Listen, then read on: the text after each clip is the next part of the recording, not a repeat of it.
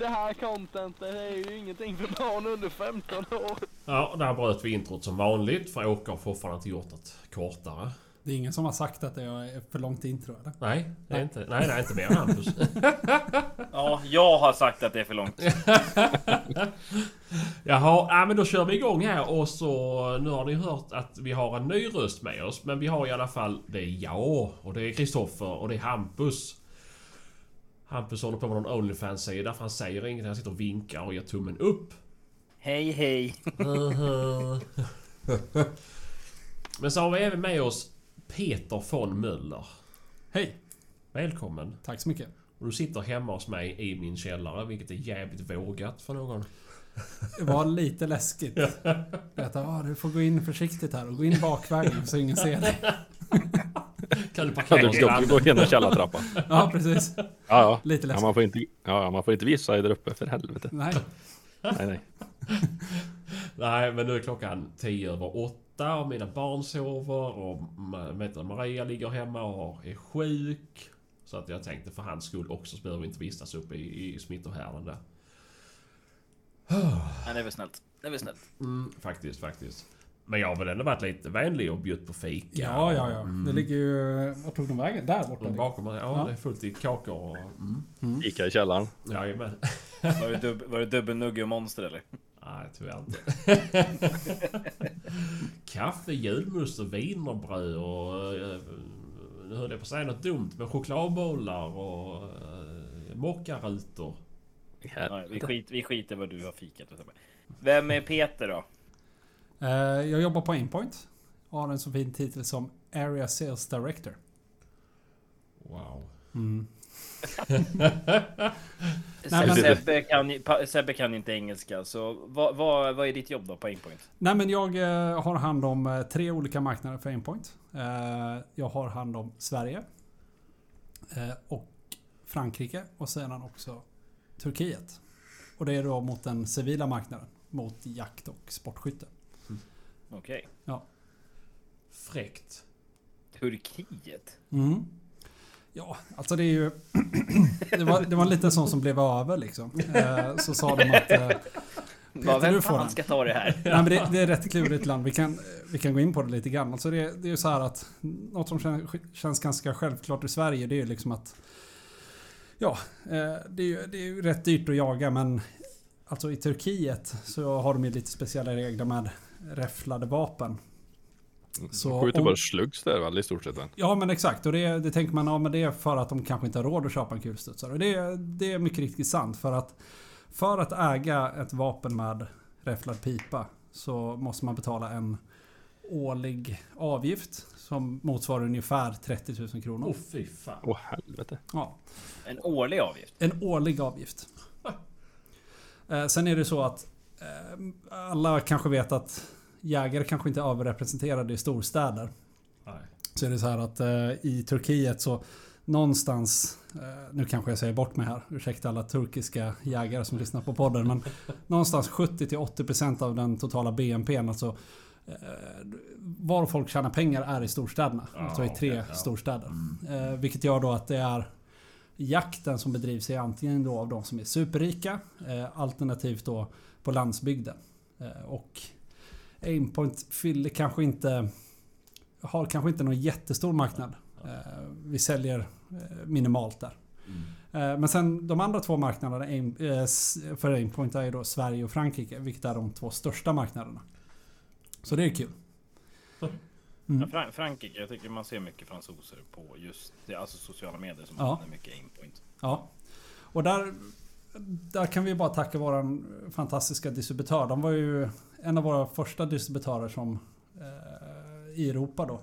Och de har arbetat väldigt hårt med att marknadsföra Aimpoint och har lyckats väldigt bra. Eh, så där är ju Aimpoint är ju synonymt med just drevjakt, precis som i Sverige. Mm. Och eh, det har de lyckats med väldigt bra. Och det är kul, men hur har de... Alltså hur har de lyckats med det då i ett land som fortfarande jagar med häst och spjut? ja. ja ehm, man, kan ju, man kan ju säga egentligen att den stora den stora vändningen på den franska marknaden var ju som i Sverige också. Det var ju Hunters Video och eh, Vildsvinsfeber. Det var ju där det blev coolt att ha ett aimpoint. När man såg Frans Albrecht lägga åtta stycken vildsvin på, på rad. Ja. liksom. Ja, ja. Han är ju Eh, sjuk. Ja, ja det är han. Han är riktigt sjuk. Eh, Men sen var det ju också så att de, de kom på ganska tidigt att den här aimpoint-mössan är ingen dum idé. Att man liksom eh, lägger lite pengar på att distribuera i landet. Så de tänkte det att om varje jägare då har en aimpoint-mössa på sig när man jagar får man mark gratis marknadsföring Ja. varje gång någon befinner sig i skogen. Mm, mm. Eh, Så det blir liksom synonymt med att det är någonting coolt att på sig och ett varumärke som man då eh, sätter högt då så att säga. Sen är ju kombination med att vi att vi har väldigt bra produkter för, eh, för just den franska jakten. Det finns ju otroligt mycket vildsvin i Frankrike. Mm. Vi tittade på det. Jag var i Frankrike nu i, i veckan. För mig att de sköt drygt 600 000, eller 700 eller 600 000 vildsvin om året i Frankrike. Åh jävlar. Med skillnad då från i Sverige som är 100... Toppåret var väl 160 tror jag. Mm. Det... Det, vi tycker ändå att vi skjuter rätt många. Jo, det är klart. Det är väl klart. Det är ju...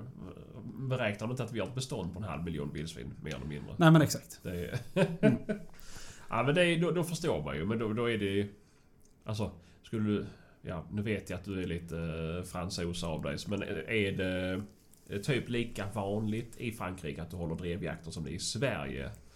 Till skillnad från andra länder där det är mer smygjakten som är stora. Ja, där har de ju precis som i Tyskland. Alltså det ligger ju någonstans i deras DNA. Det här med Mm. drevjakter.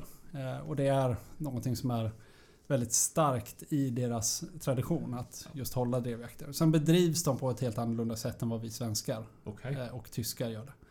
Jaha. Ehm, Vi pratar lite grann om hur man hur man sätter ut passkyttar till exempel. Mm. Så brukar de egentligen sätta ut en linje och så skjuter man då antingen in i såten eller ut ur såten.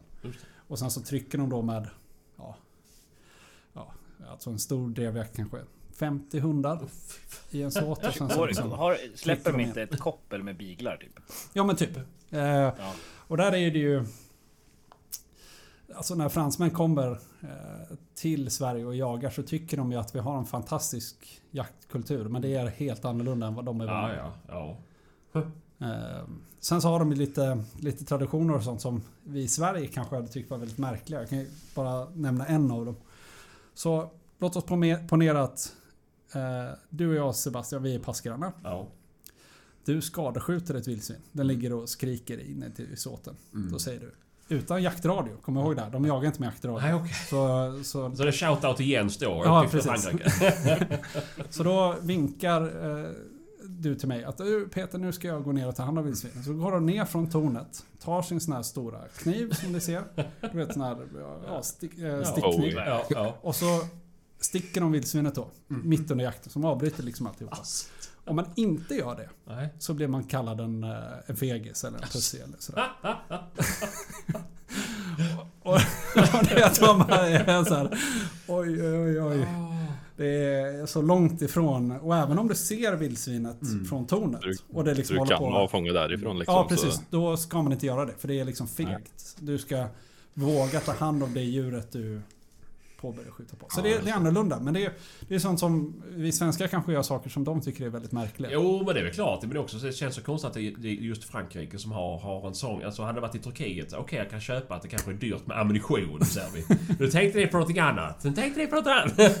det här med att det är dyrt med ammunition till exempel. Att det är ett inte så välbärgat land som Frankrike. Men ja, nej. Det är... Nej men det, det är ju... Ja, men det är ju bara så det är. Det är ju, Mm, mm. Jag har inte jagat i Frankrike någon gång än så länge. Så det är... Nej.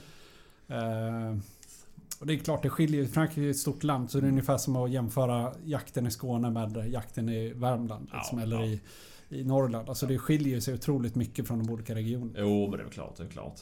Men det är... Ja, men det är ju häftigt ju. Mm. Är, jag vet jag hade en... eh, När jag gick på... Jag gick ju jaktgymnasium och då hade vi en fransos som gick i klassen då. Eh, Mm. Och han... eh, Han flög från Frankrike till internatet för att börja där. Men han, som han beskrev det så var det, det var mycket spjut, mycket hästar. Eh, och nu vet jag inte var i Frankrike han bodde men det var, det var så. Mm. Det, och det är så- alltså, Mycket spjut och mycket hästar. Ja, jo, jo, jo men och så och en annan bara Jag tänkte säga det. Ja, ja, jo men Visst, ni kom ju också med hästar i, i första och andra världskriget när ni skulle slåss med pansarvagnar. Så det, det, ja, det blev ju inte bättre. Men, Det tyckte han var jätteroligt när du sa det. Nej, det jo, de nej. uppskattade det där väldigt mycket fransmännen. Ja, nej, de gjorde inte det. Han var så, han var så förvånad hur vi kunde... Eller man kunde så mycket om eh, historien som kom från Frankrike. För de läser ingen historia, alltså läser bara om fransk historia. Mm. Medan vi då fått lära oss i, i, i svenska skolan hur det, hur det gick till när... Hur man inte ska göra det. Mm, exakt, exakt. Att det inte räcker att ha häst och vagn mot eh, 40 ton stål som kommer med en 90 mm kanon i liksom det. Men, ja, ja men, men nog om det i alla fall. Men det är ju häftigt och det är lite roligt. Då kanske vi ska pusha för det också att våra lyssnare ska börja med att skita i avfångningsskott och bryta jakten för att gå ner och sticka igen. Nej, nej. Helst utan att informera jaktledare och hundförare. Ja, ja, ja. ja, Men det man, man har ju sett en del ifrån sådana där jakter på, på Youtube och på andra ställen när de står på, på rad på en skogsväg liksom och du ser passgranne två, tre, fyra och fem liksom bort över. Mm. De står ju jävligt tätt. Ja. Och sen skjuter rätt in i snåren framåt och in i såten bland alla hundar och hundförare. Mm. Alternativt släpper förbi sig och hoppas att passgrannen inte skjuter när det går över vägen. För att sen skjuta i röven på ett vilt. Mm. Det är fan imponerande när de får det. Jo, men det är det. Det är ju det. Men det enda jag kan tänka mig en sån där jakt är att jag inte vill stå passgranne med dig Kristoffer som svingar igenom folk. Men, men visst är det så sen också när de avblåser jakten så här, de kör alla ska väl typ ha med sig ett blåshorn va? Ja. Jag tycker jag sett det på någon film att alla står och blåser då när man ska bryta jakten typ. Ja, alltså nu har jag inte varit på en jakt men alltså jag, jag, nu, är jag ju, nu är jag ju i Frankrike relativt ofta och spenderar rätt mycket tid i bilen tillsammans med säljarna där nere. Så det, man har ju ändå rätt mycket tid att, att prata. Då är det så att, eh, precis som jag sa tidigare så är ju kulturerna skiljer ju sig från olika områden precis som i Sverige. Och de här hornen då används ju både då som alltså synops och om man har skjutit någonting och om jakten ska bli avblåst. Sen har de olika då eh, ljud beroende på vad det är som händer. Så till exempel ja, Jag ser ett vildsvin kan vara dutt och sen så jag har skjutit ett vildsvin dutt, dutt, dutt, dutt, dutt, dutt. Och det kan skilja sig från ett ställe till ett annat. Ah. Och ja, så ska man hålla koll på det då. Mm. Och blåsa det där hornet. Istället för att köpa radio från Jens. Ja, ja, ja. det också Och det är ju lite jag- trumpetdagsformen som styr hur det där låter också kan jag tänka mig. Ja, En kall eh, koppartrumpet du det. Eller mässingstrumpet. Kallt ute och fryser fast. Ja, så det, för mig låter det väldigt eh, förvirrande. Men det är Mm. klart att eh, om man jagar ett helt, jak- ett, ett helt liv tillsammans så Jo. klart att man känner igen att, Såklart. ja, vad det är som händer i skogen. Men det är nog inte lätt för en utomstående att fatta vad det är som händer i skogen. Nej, nej. Men det skulle ju vara jävligt häftigt att prova att vara med på det. Så Ja. det, ja, nej men det, det är... Mm, ja men det är fränt. Men då har du Frankrike då. Men då, då, då är det en... eh, En, eh, en stor marknad i Frankrike. Det är vår största marknad på Det är största marknad till och med. Ja, Åh fy fan. ganska med, eh, med råge till och med. Jaha. Ja. Mm. Och Sverige nummer två då? Ja. Helvete. Mm. Ja, ja. Ja men det är ju Men coolt. alltså om man bara, om man säger, vi, vi, är det någon av er som har koll på hur många jägare vi har i Sverige? Jag för mig att det är 250 000 eller Ja, men det något kan sånt väl vara någon sån 250 Ja. 300 eller någonting. Ja. Och i Frankrike är det över en miljon. Ah, okej. Mm. Jo, men, men alltså, visst, men så jag tänker ändå så här som eh, Tyskland till exempel. Ja. Eh, Ungern, de har också eh, drevjakter men eh, Mm. ni, ni har inte slagit igenom det. Jo, alltså det är att i Tyskland så säljer vi en hel del sikten. Mm. Men om man tittar på den tyska marknaden så har de ju rätt fina, fin optik från hemlandet. Ah, ah, ja. Mm. Mm. Eh, Det är ungefär som att i Sverige så säljer vi mycket aimpoint. Mm. Ja, mycket, mest tack vare för att vi har väldigt bra produkter Ja, men ja. också för att det är ett svenskt varumärke. Mm. Jo, men såklart, såklart. Mm. Ja, ja. Men, eh, ja, ja, men det är ju häftigt ju. Mm. Och då hör jag det att ni borde göra mer reklam i, eh, i Tyskland. Ja, vi har en jätteduktig säljare där som har ökat försäljningssiffrorna markant. Mm, Eh, mm. Så Men, skicka all kritik till. Frans. jo, men jag tänker han måste ju. Men, men är han från Tyskland? Han är, Men han är dansk. helvete! Han är, han är dansk men pratar tyska. Jo men han kunde lika gärna varit från Österrike eller... Jaha, du menar så? Ja, ja. Ja, jag vet inte. Nej, Han är, nej, väl nej. för, han är väl för fan en tysk prins? Är det inte det? Carl Ja, Gustav tänker du på?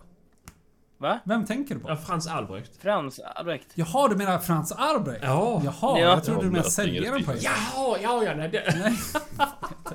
Jag, Fattar tänk, jag tänkte... Jag, tror, jag tror att han är... Jag tror att han är... Han är ju fransk... En tysk prins. Ja, det har jag för mig. Jo men är det som du vet såhär Maj-Lis eller vad heter den danska mm, som ingen vet om. Alltså ja, skitsamma men det, ja ja. Eh, men eh, nej men då får ni ju säga till att han får steppa upp. Ja. Han borde jaga mer med jaktsnack kör jag ju. Det, Vem? Frans Albert. Vem då? Frans Albert. Nej, Jo. för fan. Hur, hur, hur, du, förstår du hur dåliga vi kommer se ut då? Mm, mm. Och så kommer de köra Ja. samma sak, så blir det en Hunters video och så filmar de mig. Och så kommer det bli samma sak. Nu kommer vi köra det här i slow motion. Kan ni räkna hur många grisar som Sebastian bukar? Nej, nej, nej. Det kommer vara boom på allting. Ja. Det kommer inte vara något för han kommer inte befinna sig i skogen ändå. Nej. Han Så jagar bara, nej, det kommer vara så här, i Hunters video så bara kommer det så här. Så här ska man inte göra. Sebban står med ett öga och blundar och siktar och ja. Ett öga Sebastian blundar bägge ögon. Han är asrädd för smäll. Du, du, du, du, blundar med högerögat men tittar med vänster. ja. ja, nej, nej, nej men det... Mm, nej, men det, det är ju... Kul får jag säga. Men... Vi kan väl börja med att prata lite om dig då. Du, är, du, är du någon jägare? Jag jagar, absolut. Mm. Hur, hur började ditt jägarliv? Eh, eh, som du var inne på lite snabbt så bodde jag i Frankrike Mm. väldigt länge. Så jag flyttade... Jag är född i Göteborg och sen flyttade jag till Frankrike när jag var fem. Och så bodde jag där tills jag var 20. Mhm, mhm. Eh, men under hela den tiden så... eh, så var jag med på älgjakter, bockjakter och sånt där men... eh, ja, jagade inte själv då. Nej. Sen flyttade jag hem till Sverige då när jag var 20 och eh, så fort jag egentligen kom hem så påbörjade jag jägarexamenskursen. Mm. Och ja, Mm. Därefter så, så har jag jagat så mycket jag kan. Så Mm. att säga. Mm. Mm. Mm. Ja, det är kul. Det är Mm. kul. Vad, vad skulle du säga? Vad, vad, vil- vilken jaktform för dig är den som är... Ja, men drev, drevjakt i all, i all form egentligen. Mm. Eh, och sen så pyrschjakt på råbock skulle jag säga. Det ligger väldigt högt upp på på vad jag älskar att göra. Mm. Mm. Ja, Det var dreverjakt du sa där va? Drev- Drevjakt. Jag, jag tror att ett svagt... Jag har faktiskt aldrig jagat med drever. Men Öppna. då har du ju aldrig jagat drevjakt. Nej, Tur inte Martin är med idag då. Men, eh, ja, ja. Nej. Men... Jag, jag vet ju... För jag har ju kört en intervju med dig tidigare, men jag har inte fått ut det än. Men... Din drömjakt, där har du ett helt scenario. Är det något du vill beskriva?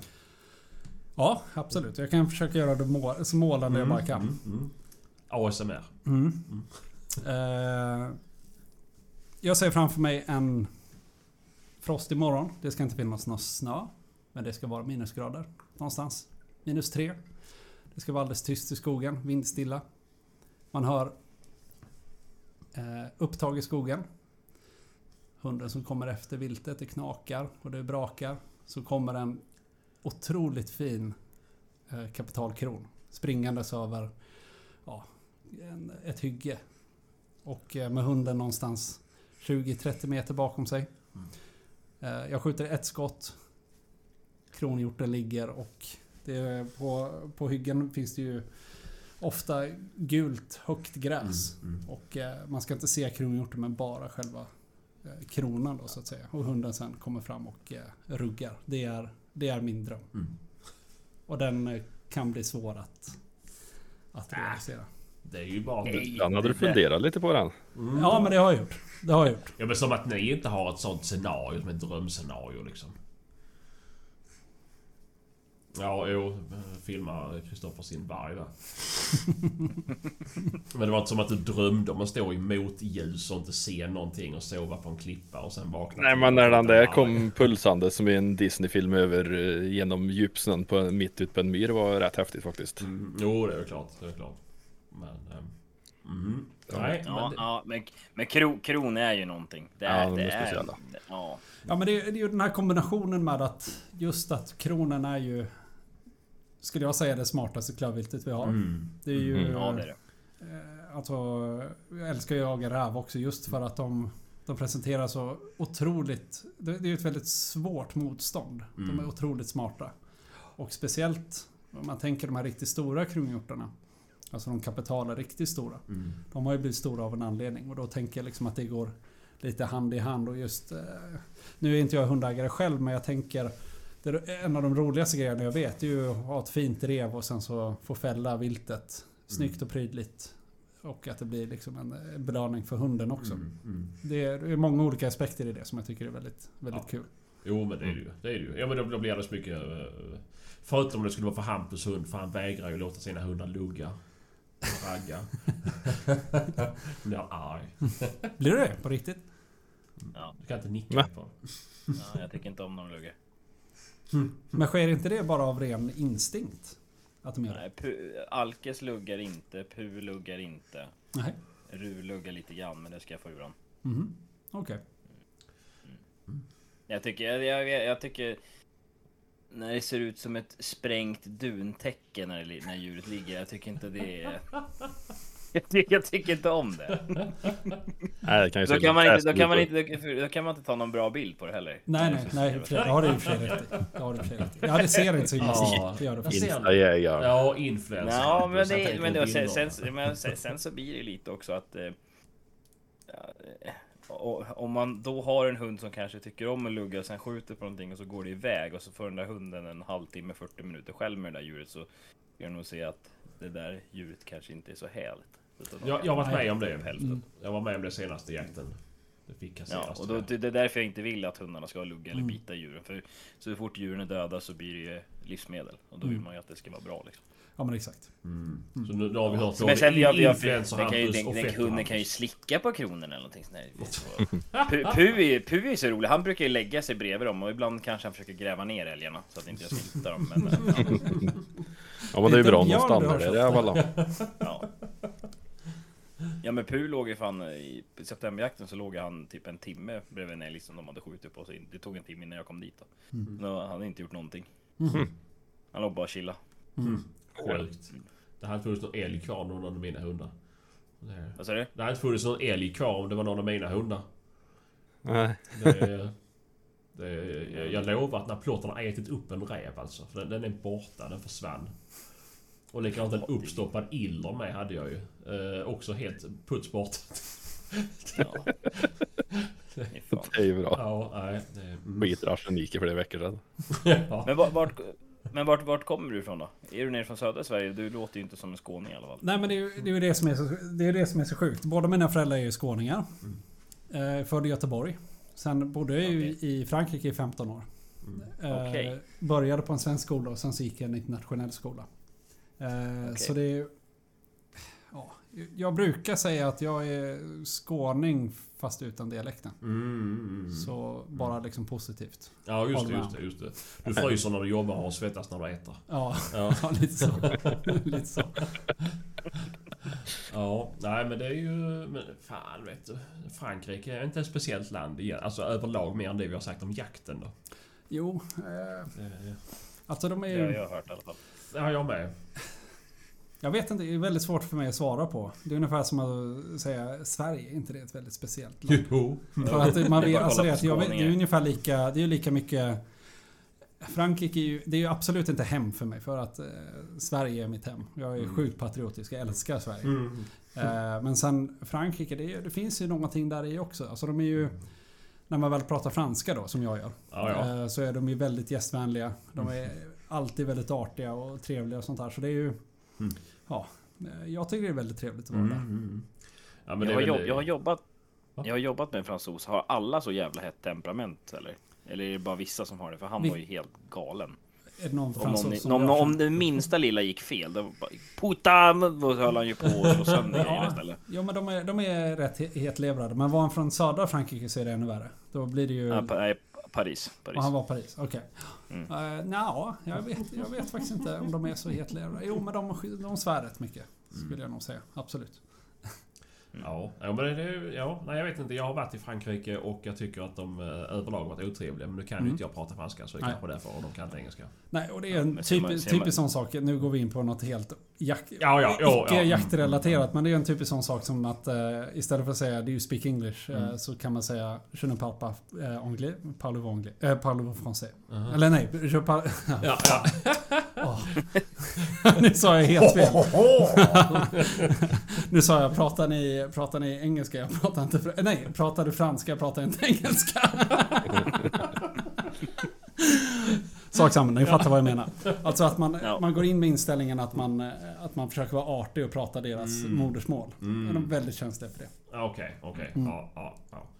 Ja, ja. Nej men det är... Det, är, det får man väl eh, lära sig om det skulle vara så. Mm, ja, ja, Det är väl... eh, Om det skulle skita sig här hemma så är det väl Främlingslegionen. Så har du väl tre månader på dig att lära franska tror jag. Eller vad är det? jag, jag tror du behöver träna lite innan du... Käften! Han försöker prata franska Sebban. nej, nej. Jag men, alltså, han menar nog på mitt, eh, mitt, min isolering av magen. De är lite vältränade som är i Främlingslegionen. Ja. Det kan ju vara utfyllnad när de ska köra med någon pansarvagn i något dike. Pansarhinder. Mm, ja, exakt. Ja, det kan ligga. ja, ja. Nej, men det, men det är ju... mm, Då, då, då är det ju passande. Och då är det att, ehm, att du kan prata franska när du Mm. ska jobba i Frankrike. Ja. Ehm, men... Överlag då, hur, hur ser ditt, eh, din jakt ut privat då? Ja, just nu så eh, är det väldigt lite jakt skulle jag säga. Eh, Jag har ett jobb som jag reser väldigt mycket med. Eh, Och sen så har jag två små barn. Mm. Och jag jagar väldigt lite faktiskt numera. Mm. Alldeles, alldeles för lite. Mm, mm. Sen har jag ju turen också att ibland eh, få åka på representationsjakter och det är tur det. Mm. Annars hade det inte blivit mycket jakt alls. Men jag försöker i alla fall att, jaga i alla fall eh, varje helg eller varannan helg.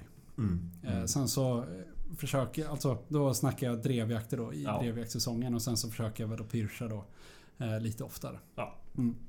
Men det blir inte så mycket som jag hade velat. Nej, nej men så är det aldrig. Jag får inte för Hampus då som har eh, arbetslös, lever på Försäkringskassan, kan eh, jaga så mycket En vill. kvinna som försörjer henne. Ja, nej, precis. Alltså. Mm, mm. Han klipper gräsmattan på sommaren, det är det han gör. Och sen så sköter han grisarna. Nej, nej. nej, nej, det är grannen som klipper den. ja, ja. Nej, jag antar att det, du inte har jagat någonting i helgen? Jag? Nej. Nej. Nej, det har jag inte. men jag, jag har mina skäl, så att det, det, det är så. Ja, men du kan ju inte ha skäl varenda jävla vecka till att inte jaga. Alltså, Ja, jo, men... du, eh, borde, du borde skriva någon bok. 365 ursäkter till att inte gå ut och jaga. Jo, men nu är det så att grannen firade sin första mens, så att vi har... Nej, jag. Nej, jag har varit på begravning, så det är därför jag inte jagar. Men eh, det behöver vi inte gå in på idag. Men... Eh, ja. Hur ser din vapengarderob ut då? Ehm, ja, som de allra flesta så har jag en Blaser R8. Mm, mm. Mm, en 308 med en semi-weight pipa och en GRS-kolv. Ett riktigt as. Mhm. Eh, skjuter väldigt bra med den men svär så fort jag måste röra mig med den för den är svintung. Mm. Men det är svårt att byta ut en bössa som man skjuter väldigt bra med. Nej, men så är det. Eh, och eh, ja, eh, sen har jag en eh, Silver Pigeon Mm. eh, Sporter. Eh, sen det senaste, eh, senaste tillskottet var en Benelli Black Eagle 3 Super Black Eagle 3. Mm. Halvautomat. Mm. Ja, som jag hade tänkt att inviga med lite gåsjakt om två veckor. Mhm, mhm. Fy fan vad kul. Ja, det säger jag med. Och det är så kul. Ja, För du ska ju annonsa nu att vi också är inbjudna, eller hur? Mm, Sebban, nu spelar vi. Varför ska han bjuda in dig för? Käften! Jag kan hitta på en ursäkt om två veckor med. ja, nej men ehm, så är det. det. Det är kul och det är, jag har tjatat om varenda jävla avsnitt i den här podden att ehm, vi måste komma över någon, någon riktigt bra gåsjakt. mm. Det är ju fantastiskt. Ja, det är att jag, jag var faktiskt på min första gåsjakt i somras. Och det här är med, eh, jag vet inte om du känner igen dem, eh, gåsjakt i väst. Jo, jo. Jo. Eh, Och eh, det är ju expert. Alltså ja, det är väl en av Sveriges absolut främsta gåsjägare. Mm. Eh, Simon där är ju dedikerad till, till tänderna och liksom Shit vilken dag. Vi, vi sköt inte mycket gås i somras men det var man gick upp, jag gick upp klockan två på natten för att köra en timme dit och sen så satte vi upp bulvaner och sånt där och så fick vi se sol, soluppgången. Mm. Mm. Och det är, Det är helt, så jäkla magiskt. Mm. Ja, och det var ingen vind och helt... Alltså det var helt fel förutsättningar för, Mm. för gåsjakt. Och det var ju bara grågäss då. Så de är ju otroliga på att hitta minsta lilla fel. Så vi, vad sköt vi? 35 eller något sånt där. Ja, ja. Vilket Det är, är... ändå, det är ändå en bra jakt. Ja, det är jättebra alltså, jakt. ja. Eh, Och jag var ju helt lyrisk. Och så sa jag det när jag satt i bilen. Så sa jag till mig så här. Man, man ska inte uppleva bra jakter. För då bara hittar man fler saker man vill göra hela tiden. Eh, och det är... Ja, jag, jag tycker om när det är liksom uppstyrt och man märker att folk, folk som bedriver det är experter Mm, på det. mm. Och de är verkligen eh, otroliga på det de är. Ja. Ja men det är det och det, det är fantastisk form just, just som du säger och det är lite som... Alltså... Som, som du, du, du ser ditt scenario framför dig när du sköt eller när, när liksom din dröm eh, kronhjorten kommer fram. Jag kan säga, alltså någon, några av de absolut finaste scenarierna jag haft under jakt har varit under ja, dels gåsjakt och sjöfågeljakt. Alltså det här är just som du säger. Det har varit vinter, det har varit fruset på är ett spegelblankt hav. Det har varit minusgraderna och solen kommer upp. Ja, det är så, Fy fan vackert det är. Och så en riktigt bra dag med mycket fågel i backen. Det är... ehm, Sen är det något väldigt tycker- speciellt med att man, man ligger fyra skyttar och så kommer det ett gäng Mm. mm. kanadagäss inflygandes. mm. Och så tömmer man himlen. Det är något väldigt speciellt med det. det Ja, är, men, ja, men sen, sen samma sak den här sociala biten. Man kan, man kan ändå ligga och snacka med Ja, varandra. precis, det, precis. det är så jävla nice. Mm, mm, mm. och där kan jag göra en shoutout för mina produkter då, S1 då. Som är Mm. eh, våran, eh, vårat sikte för, eh, för hagelgevär. Mm. Helt otroligt hjälpmedel till den sortens jakt. För, Jo, eh, för ja. det, det jag tycker problemet varit när man har jagat gäss. Det är att man, när vi har kört i alla fall, då har man haft lite halm på sig. I Mm. alla fall jag brukar lägga halm med bössan. Ja, och sen när man ska upp där, då ligger fortfarande det jävla halmet kvar på bössan och så ska man försöka hitta kornet under halmen. Då vill man, jag skulle hellre vilja haft ett rödpunktssikte då. Mm. För då behöver man inte göra rätt anläggning riktigt heller, utan det är liksom, det är bara att kolla efter punkten och trycka. Nej, Och jag, jag har ju skjutit mycket med rödpunkt förut med, med hagel. ja. Så att, ja. Och det, det, är ju, det är ju ett till aspekt, det är ju en jätteväsentlig aspekt också. Men det, till aspekt är ju hur ofta tränar man på att ligga ner och sen sätta sig upp för att skjuta? Nej, det är inte jätteofta. Med ölmage. Som, Det syns ju att Sebban inte gör så många Det är inte ölmage, det är dubbelnuggenmage detta. nej men och, och liksom anläggningen och sen så beroende på hur mycket kläder man har på Mm. sig och allting sånt. Och det, det blir, väldigt, eh, blir väldigt svårt att, att få liksom samma anlägg hela tiden. Mm. Och just för gåsjakten så har du ju punkten. Du kan... eh, Om du, om du ligger fel så ser du inte punkten och då, då, då får man ju liksom eh, träna anlägget igen. Ja. Ehm, Så, och sen så gåsjakten är ju också så att när de kommer ner mot dig. Så om du i det bästa scenariot så kommer de ju en flock inflygande ner mot, eh, mot bulvanbilden. Mm. Sen så när vi reser oss upp då stannar de till i luften, alltså flaxar då Mm. bakåt. Och då står de i princip still. Ja. Så då är, då är det egentligen bara att punkta ner dem. Ja. ja. Eh, inte så mycket framförhållning att tänka på utan det är egentligen bara att ta den här punkten, täck gåsen med punkten och sen skjuter du. Mm. Så vet du liksom att då, då kommer du träffa. Alltså det, det häftigaste jag har varit upple upplevt med gåsjakt, det var ju liksom Det kom så jäkla mycket gäss att när första, alltså även fast det slog en grupp och vi sköt på den Så kom ju nästa grupp bakom och skulle landa även fast vi sköt på den första Mm, liksom. De var inte långt bakom. Nej. Man var ju stressad för man hann ju fan inte ladda om. Ja men det är ju det, Det det, är det värst- som är kul just med fågeljakten. Ja. När det är sådana där bra dagar. För du vet, när det är ens problem med ammunitionsbrist, att man inte hinner ladda om. Mm. Det, det, det är ju sällan man har det på vanlig klövviltsjakt. Det, nej. Jag har aldrig skjutit slut. Ja, jo men det är ju Ja, det ju. jag Att någon får åka till Ja, man har ju stått och gjort någon gång på en duvjakt. Jo, Det är ju för övrigt också jävligt kul. Jo, det är det Ja. ju. Det är det ju. Absolut. Och det är samma sak. Men det blir ju den där sociala biten som man får uppleva. Plus att alltid, eller och som ofta, jag kanske inte just vid duvjakt, då kan jaga hela dagen, men Att du får, får uppleva eh, soluppgången och det tycker jag är någonting Ja. fantastiskt. Och sen så, jag älskar ju ljudet från Yes. Mm. Och främst då Canada Yes. Eh, Ja, ja, ja, jo, när, men man det är så det, när man hör det Ja. långt Ja. bort, nu då bara... Oh, Precis, ja men det är precis det är som att Ja. höra hundskall bakom rygg. Alltså du vet, det blir Ja. så här. Oh, nu får man puls. Åh, Nu blir jag väldigt jaktsugen. Ja, jag med, jag känner med. det liksom... ja, jag är rätt nöjd för idag faktiskt. Ja, ja, ja, ja, ja, ja. En annan har suttit i bilen och kört upp till Linköping Ja. från eh, Malmö. Det är så kul har jag haft det idag. Ja, ja men det är ju jävligt trevligt faktiskt. nej men... eh, Det är ju, det är ju Jag, någonting... jag invigde mitt aimpoint idag. Mm. Mm. Gånger Grattis! två. Gånger Två två. gånger. Ja, jag sköt en gris och en älg. Ja, så det är det.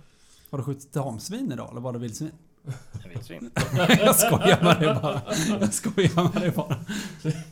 Han avfångade två Ja, trafiken. hade det varit ett tamsvin så hade det åkt också. Nej men eh, det är jätteroligt. Kul. Mm. Eh, Ja, det var- berätta var- situationen. Eh, när första, första så släppte jag pu på ett ställe och så vart det, alltså han for iväg typ ja, 500 meter någonting så vart det stånd upptaget och jag eh, smsade till Carro och jag bara du missar någonting idag för jag, jag satt och plogade snö fram till fyra i morse så gick jag la mig så jag åkte ut vid 10. Mm. Tänkte jag tar en liten sväng med hundarna.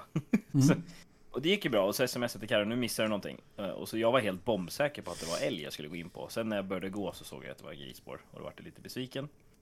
Men eh, så gick jag in där och så stod han och skällde på flatberg under en gran och så såg jag en gris och så eh, när den gjorde ett utfall så bara tryck, löfte jag tryck och då Mm. la sig den. Och då for det ut en så jävla stor gris ur den där granen eh, som jag också testade på.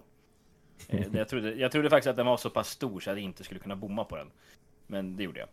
Mhm. Eh, ja, men sen höll han på med den. Eh, den gick lite längre norrut. Så tänkte jag men då får han stå fast med den så att det lugnar ner sig lite. Så åkte jag och släppte ru på ett annat ställe. Eh, och då tog han upp en älg ganska direkt som kom på mig. Och då det faktiskt gick bra. Sköt den i halsen. Mm. Fick upp den på typ, ja, kan ha varit 40-50 meter på gångstånd. Det funkar även med inpoint. Ja, jo. Så. Nej men faktiskt, det var, jag vart, jag, det var jävligt lätt att skjuta in.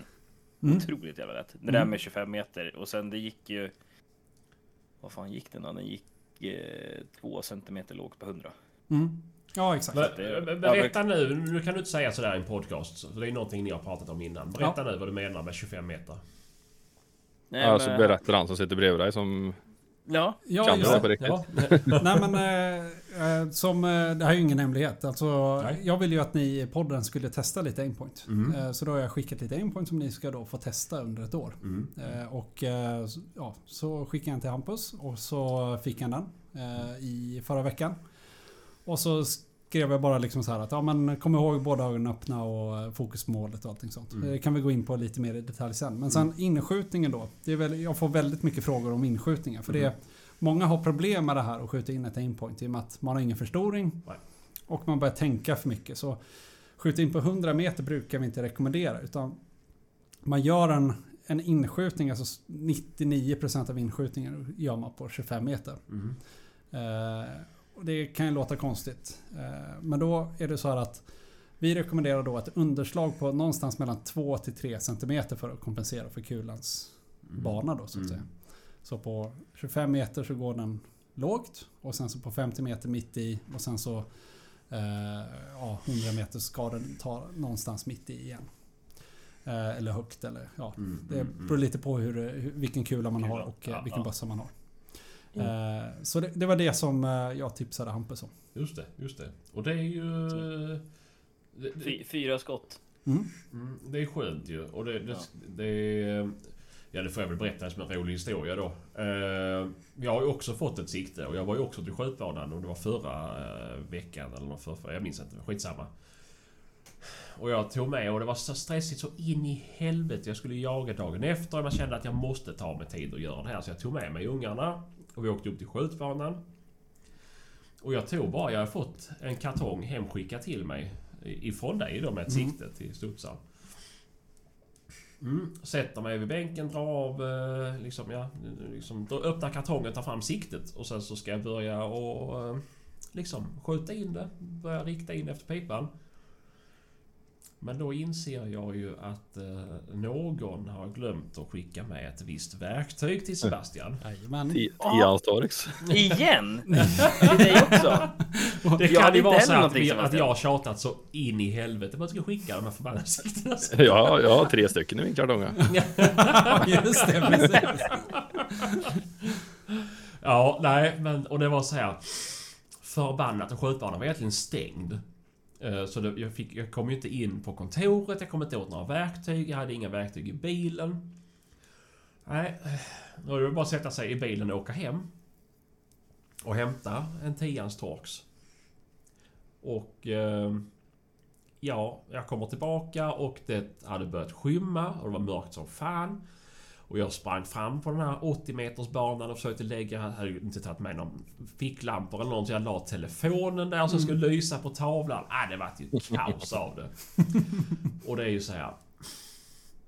Ja, nej, ah, det vart, det vart bajspannkaka av det. Men jag säger som så här, om jag hade då vetat att jag skulle skjuta in det på 25 meter. Det hade varit mycket lättare. För Ja. på 25 meter såg jag ju tavlan lysande. Mm. Men det är när man sitter inne i ett hus i ett skjutbås och det är mörkt. Alltså det, det, det blir... Mm, man ser inte jättebra på 80 meter. Och då var det Mitt mycket första, jag, jag hade ett Aimpoint 9000, men det, det skulle jag också ha till en drevjakt. Och det sköt jag in i billyset kvällen innan drevjakten. Mm, jo men det har jag. eh, Det har jag också testat. Ja, Ja. precis. Jag ska se. Jo men här en... eh, Vad är detta för någon? Är det en H2? Mm. Den, eh, det var samma sak där. Då, då, då, ställde vi upp två bilar faktiskt på 80 metersbanan. Och det var mycket helljus och då var det... Då gick det väldigt bra att skjuta in det. Men eh, det kan jag inte göra på den skjutbanan jag skjuter på idag. Så eh, där kommer inte ner bilar. Nej, Disclaimer i alla så är det så att om det, det kommer aldrig saknas ett rött verktyg om det är en vanlig kund som köper ett sikte. Det Nej, finns nej. inte på världskartan. Nej, så det är nej, liksom... och eh, det, det, det är väl... Sebastian, har du lyft på vadderingen då? Så du kommer ner i botten på jag den där har asken? tittat eller? redan. Ja okej. Ja, ja. Jag tittade faktiskt. Eh, och det är väl lite så att vi har ju fått någon form av andra sortering då misstänker jag. Nej, nej men det, det, det är ju så att vi har ju en, vi har ju en, del, en del sikten som redan har varit ute då på eh, några jakter som vi har anordnat och sånt där. Och sen så, sen så får man ju då återanvända dem. Ja precis. För att vi, vi har ju dessa siktena på lån så att ni lyssnare förstår detta. Så att vi ska prova på dem. Mm. Eh, för du tyckte att det, det, det skulle passa oss som, Mm. som fyra hundförare. Mm. Eh, så det är väl var därför vi fick. jag förstår inte varför du har fått ett Eh, håll käften. Har en jaktdag om året liksom. Vadå? Han sköt ju sugga i- hemma ju. Ja, det var före din tid. Han. prata, prata inte om hans fru sådär. Jag sköt det två gånger för jag har två barn. Ja, ja, ja. Ja, nej men eh, det, det var eh, en... Eh, det var en besvikelse för mig för att när jag satte på siktet på Blas, vi har aldrig haft aimpoint på Blasen. Och ni, och ni som har lyssnat på den har ju hört hur jag gnällt de senaste avsnitten. Att det gör så ont i min rygg när jag går med hund och det är så tungt alltihopa och... Mm. Eh, och då när jag fick på aimpoint, jag kände bara... Åh, det här är ju himmelriket. Åh. Den där lilla kikaren på. Fy fan vad glad jag var. Jag bara, åh jag ska gå med hund hela dagen imorgon och var så nöjd. Ah, nej. Vad väger den där C2? Den här Nacron? Ja det beror på... eh, Bara själva siktet väger 70 gram. 70 gram ja. Mm. Mm. Eh, Och, Så då eh, väger min drilling 2880 gram plus 70 80-90 då ungefär med skena kanske. Eller Mm, med ja, fast. någonstans där. Eh, Det är ju aluminiumskena du har där. Så det, ja, det är nog inte mycket mer än ja, ja, 80 kanske. Mm. 80 gram. Mm. Och två- 2950 gram det är ju rätt okej för en drilling. Ja. Ja. Så är det. Mm. Det väger väl bara stommen på den här råttare. Mm. Ja, men exakt. Ja. eh. men eh, nej, men det, det är... Det ska bli kul i alla fall. Då hoppas jag att det kan hjälpa min rygg att Mm. eh, slippa springa runt med Mm. en uh, feting kikare. Men jag, jag tänkte också liksom... eh, Du har ju varit på en... eh, På, du Sebastian har ju Mm, varit på en mm. utbildning tillsammans med, med Mm, mig Mm. i Mm. höstas. Ja, precis. Ja. precis. Och där gick vi igenom, jag är inte någon training manager på aimpoint. Så jag, jag kan ju bara gå igenom grunderna egentligen på hur man ska tänka på, på skyttet med aimpoint. Mm. Mm. Eh, jag skickade ju en liten kort förklaring eh, till dig Hampus. Jag vet inte om du alls förstod vad, vad jag menade liksom. Ja, jag har hört förut. Ja, det har du förut. Men alltså, det bygger vi egentligen på två jätteenkla grunder. Det är så här att för att enpunktsskyttet ska fungera, eller skytte med enpunkt ska fungera, eller med all rörpunktssikte egentligen, så är det ju så att man ska båda ögonen öppna. Och vi tjatar på detta hela tiden. För det är flera olika aspekter som, som gör att du blir en bättre skytt av att ha båda ögonen öppna. Mm. Om du har båda ögonen öppna så har du ju 100% periferiseende. Precis som du tittar vanligt. Eh, Du ser ju liksom vad det är som händer runt omkring dig. Plus att sättet din kropp uppfattar avstånd och hastighet är med båda ögonen. Så man brukar ju säga det att om man blir blind på ena ögat har man ju väldigt svårt att, att bedöma avstånd. Ja, just det. Mm. Just det. Eh, Och det är ju ganska väsentligt när man då ska jaga. Eh, Om det blir en hastighetsförändring till exempel om man skjuter ett skott och eh, viltet då börjar springa snabbare. Så vet ju inte du egentligen hur mycket snabbare springer viltet egentligen. Men med blotta ögat så ser du ju, om du tittar med båda ögonen öppna, så ser du ju, kan du uppfatta det mycket lättare. Ja, ja. Eh, och, så det, är- det är ju en aspekt av det, så båda ögonen öppna. Mm. Och det är vissa personer som har väldigt svårt för detta. Men då är egentligen tricket, då kommer vi till nummer två då, fokus på målet. Mm. Eh, om du inte tittar på punkten utan du fokuserar på det du ska skjuta på. Som vi tar vildsvin till exempel. Så tittar du på vildsvinet hela tiden. Och sen skapar du en fokuspunkt. Alltså var vill du släppa skottet någonstans? Om det är på nära håll och det inte är särskilt hög hastighet, då tittar du mitt i bogen. Eh, och när punkten sen kommer in i fokusområdet, då skjuter du utan att du håller på att följa efter och liksom håller på och fipplar. Utan du, Mm. när punkten kommer in i ditt fokusområde, då skjuter du. Och det ska man bestämma sig innan du, liksom, eh, du, du följer med djuret i, i ditt fokusområde. Så när du ser att det här är en, ett skjutbar vildsvin. Ja. Vilken hastighet har det? Ja, den, eh, den kanske liksom går lite, lite långsamt. Ja, det, avståndet är dryga 30 meter. Med träning då så vet du att du behöver inte ha någon framförhållning. Då Nej. har du fokuset, ditt fokusområde mitt i bogen. När punkten kommer in dit så skjuter du. Mm. Och då skapar du en rörelse i skyttet också. Vilket automatiskt gör att du får högre träffsäkerhet. För alla säger ju det att om du har rörelse i skyttet så arbetar du med kroppen istället för att arbeta mot den. Ja, just. Jag har sett de där eh, Aimpoints instruktionsvideos rätt Mm. många gånger. Mm. Från olika jakter och Mm. kanaler. Mm. Det, det förklarar de jävligt bra. Ja, Jag kommer inte ihåg vad han heter, han instruktören. Erik Ås heter han. Ja, precis. Han är ju för jävla duktig. Ja, det är han. Och han gör det väldigt förståeligt. Alltså det är, Ja, han det. Han lägger det på en nivå så att alla förstår. Ja, och sen man ser ju det när det kommer dit nya personer som aldrig har skjutit med det där förut. Mm. Ifrån att de testar själv första gången och sen gör som han säger andra gången. Mm. Så är det ju som dag och natt. Ja men exakt. Eh, sen är det ju så att man... vi är ju vanedjur allihopa. Så när man befinner sig i en stress, stressig situation och man har anammat det här beteendet då, så kan det vara så att man går tillbaka till gamla vanor. Alltså att man till exempel börjar blunda med ett öga eller att man börjar med statisk framförhållning. Alltså att man inte skjuter precis när det kommer in i det fokusområde. Så märker du ganska snabbt att det där gick inte som det, gjorde när jag tränade. Nej. Det gäller att man påminner sig själv hela tiden att det är så man ska göra. För det blir betydligt bättre. Mm. För om du tränar på det sen så kommer det sitta liksom i ryggmärgen.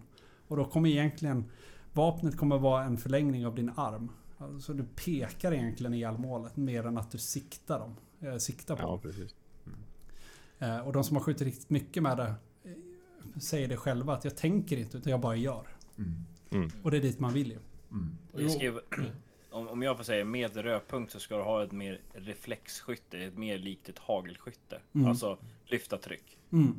Eh, Du, ska inte sikta så mycket för det är, då, det är oftast när du väl börjar sikta, typ med ett kikarsikte, Mm. det är då det går åt helvete. Mm. Det är det. Ja. Det är när du, när du bara kastar upp och trycker. Liksom, ja, men du, som du säger, du har bestämt dig vart du ska trycka någonstans och ja, Mm. det skyttet är mycket bättre. Ja, och det är väldigt många som eh, när jag är på mässor och sånt där försöker övertala kunder att köpa Aimpoint. Så säger de, ja men jag har testat det någon gång så var det ett vilt som kom fram till mig och stod helt still och så gjorde jag en klar bom på det.